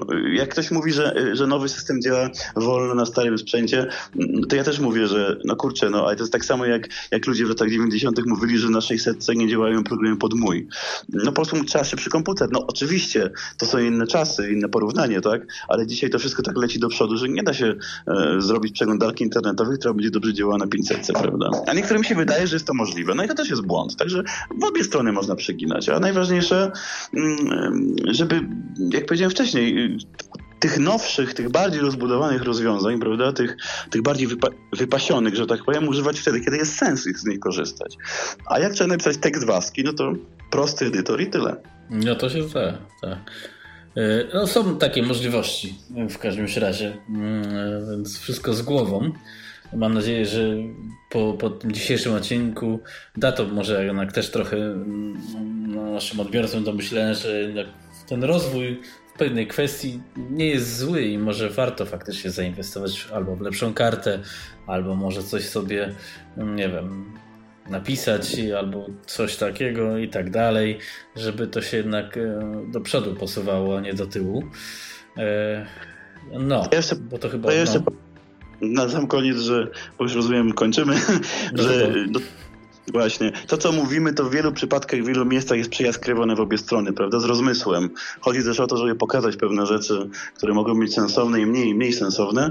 I trochę mamy nadzieję, że, że może mimo wszystko no, pojawi się trochę więcej komentarzy, jakaś dyskusja. Chociaż nie liczę na to, że, no, że się, nie wiem, nagle ktoś zacznie bardzo przyjmować tym, co mówimy, prawda? Bo to nie w tym no, rzecz. Nie, nie. Znaczy, liczymy na dyskusję na, na poziomie, ale oczywiście yy, to, to bo jest takie czepianie się o słówka, ale e, ideą takich przynajmniej wydań specjalnych jest to, żeby przerysować w pewnym sensie sytuację, no bo e, e, jeśli powiemy to łagodnie, no to nie uwypukla to moim zdaniem. Oczywiście dużo kwestii jest przerysowanych, ale myślę, że no, daje to do myślenia, no bo wiesz, no, o pewnych kwestiach łagodnie się na przykład nie da powiedzieć, no i dla mnie na przykład wybór systemu 3.1 na 3.9 jest przerys, przerysowuje to, ale to jest brak chęci rozwoju. I to jest dla mnie przerysowanie, ale jakbym powiedział, że wiesz, to tak jak e, ktoś mi mówił, dlaczego Polacy prze, przeklinają, będę musiał oznaczyć ten odcinek, bo można powiedzieć, o potknąłem się o, o krawężnik, a i każdy mówi, no nie, nie odbierasz tego, ale kurwa, ale się jebnąłem o ten pierdolony krawężnik i od razu wiesz, że cię bolało. Ale brzydko powiedziałeś teraz. Tak, musisz tej... to jakoś... Y, znaczy to oznaczę, no. Trudno, no. Albo, A. albo wypikać. Ja, albo ja, ja, mogę wypikać, no. Fakt. Na przykład taką piosenkę Rodzina słowem silna. Bo ona też jest... pewnie znasz. Tak, tak. E no to ona, I też się ludziom wydaje, że ona jest taka na poważnie niektórym. E, natomiast jak tam właśnie się śpiewa, to trzeba wszystko wypikać praktycznie. E, my aż tak nie przesadzamy, mm, no ale faktycznie, no, żeby zwrócić uwagę na coś, to trzeba też e, powiedzieć może troszkę ostrzej. Ja się w każdym razie cieszę, że w ogóle jest dzisiaj miejsce na takie rozmowy, że to nie jest tak, że my mówimy o, o tym sprzęcie, że to już było 20-30 lat temu i nic się dzisiaj nie dzieje. Dzisiaj jednak mamy nowe programy, nowe gry, nowy sprzęt. Jaki on by nie był, jest mimo wszystko do kogo mówić mówić, jest komu pisać, także ja się bardzo cieszę i mam nadzieję, że to jeszcze troszkę potrwa. E, a co przyniesie przyszłość, no to też zobaczymy. No raczej. Ja tylko na koniec powiem, że Dzień Świra też był przerysowany. Ale bez przerysowania ten film nie miałby sensu. E, myślę, że tym optymistycznym akcentem możemy zakończyć, nie? No jak najbardziej, też od razu mi się uśmiech pojawił na, na twoje słowa. No właśnie. No właśnie. To na razie. Dzięki za słuchanie, na razie.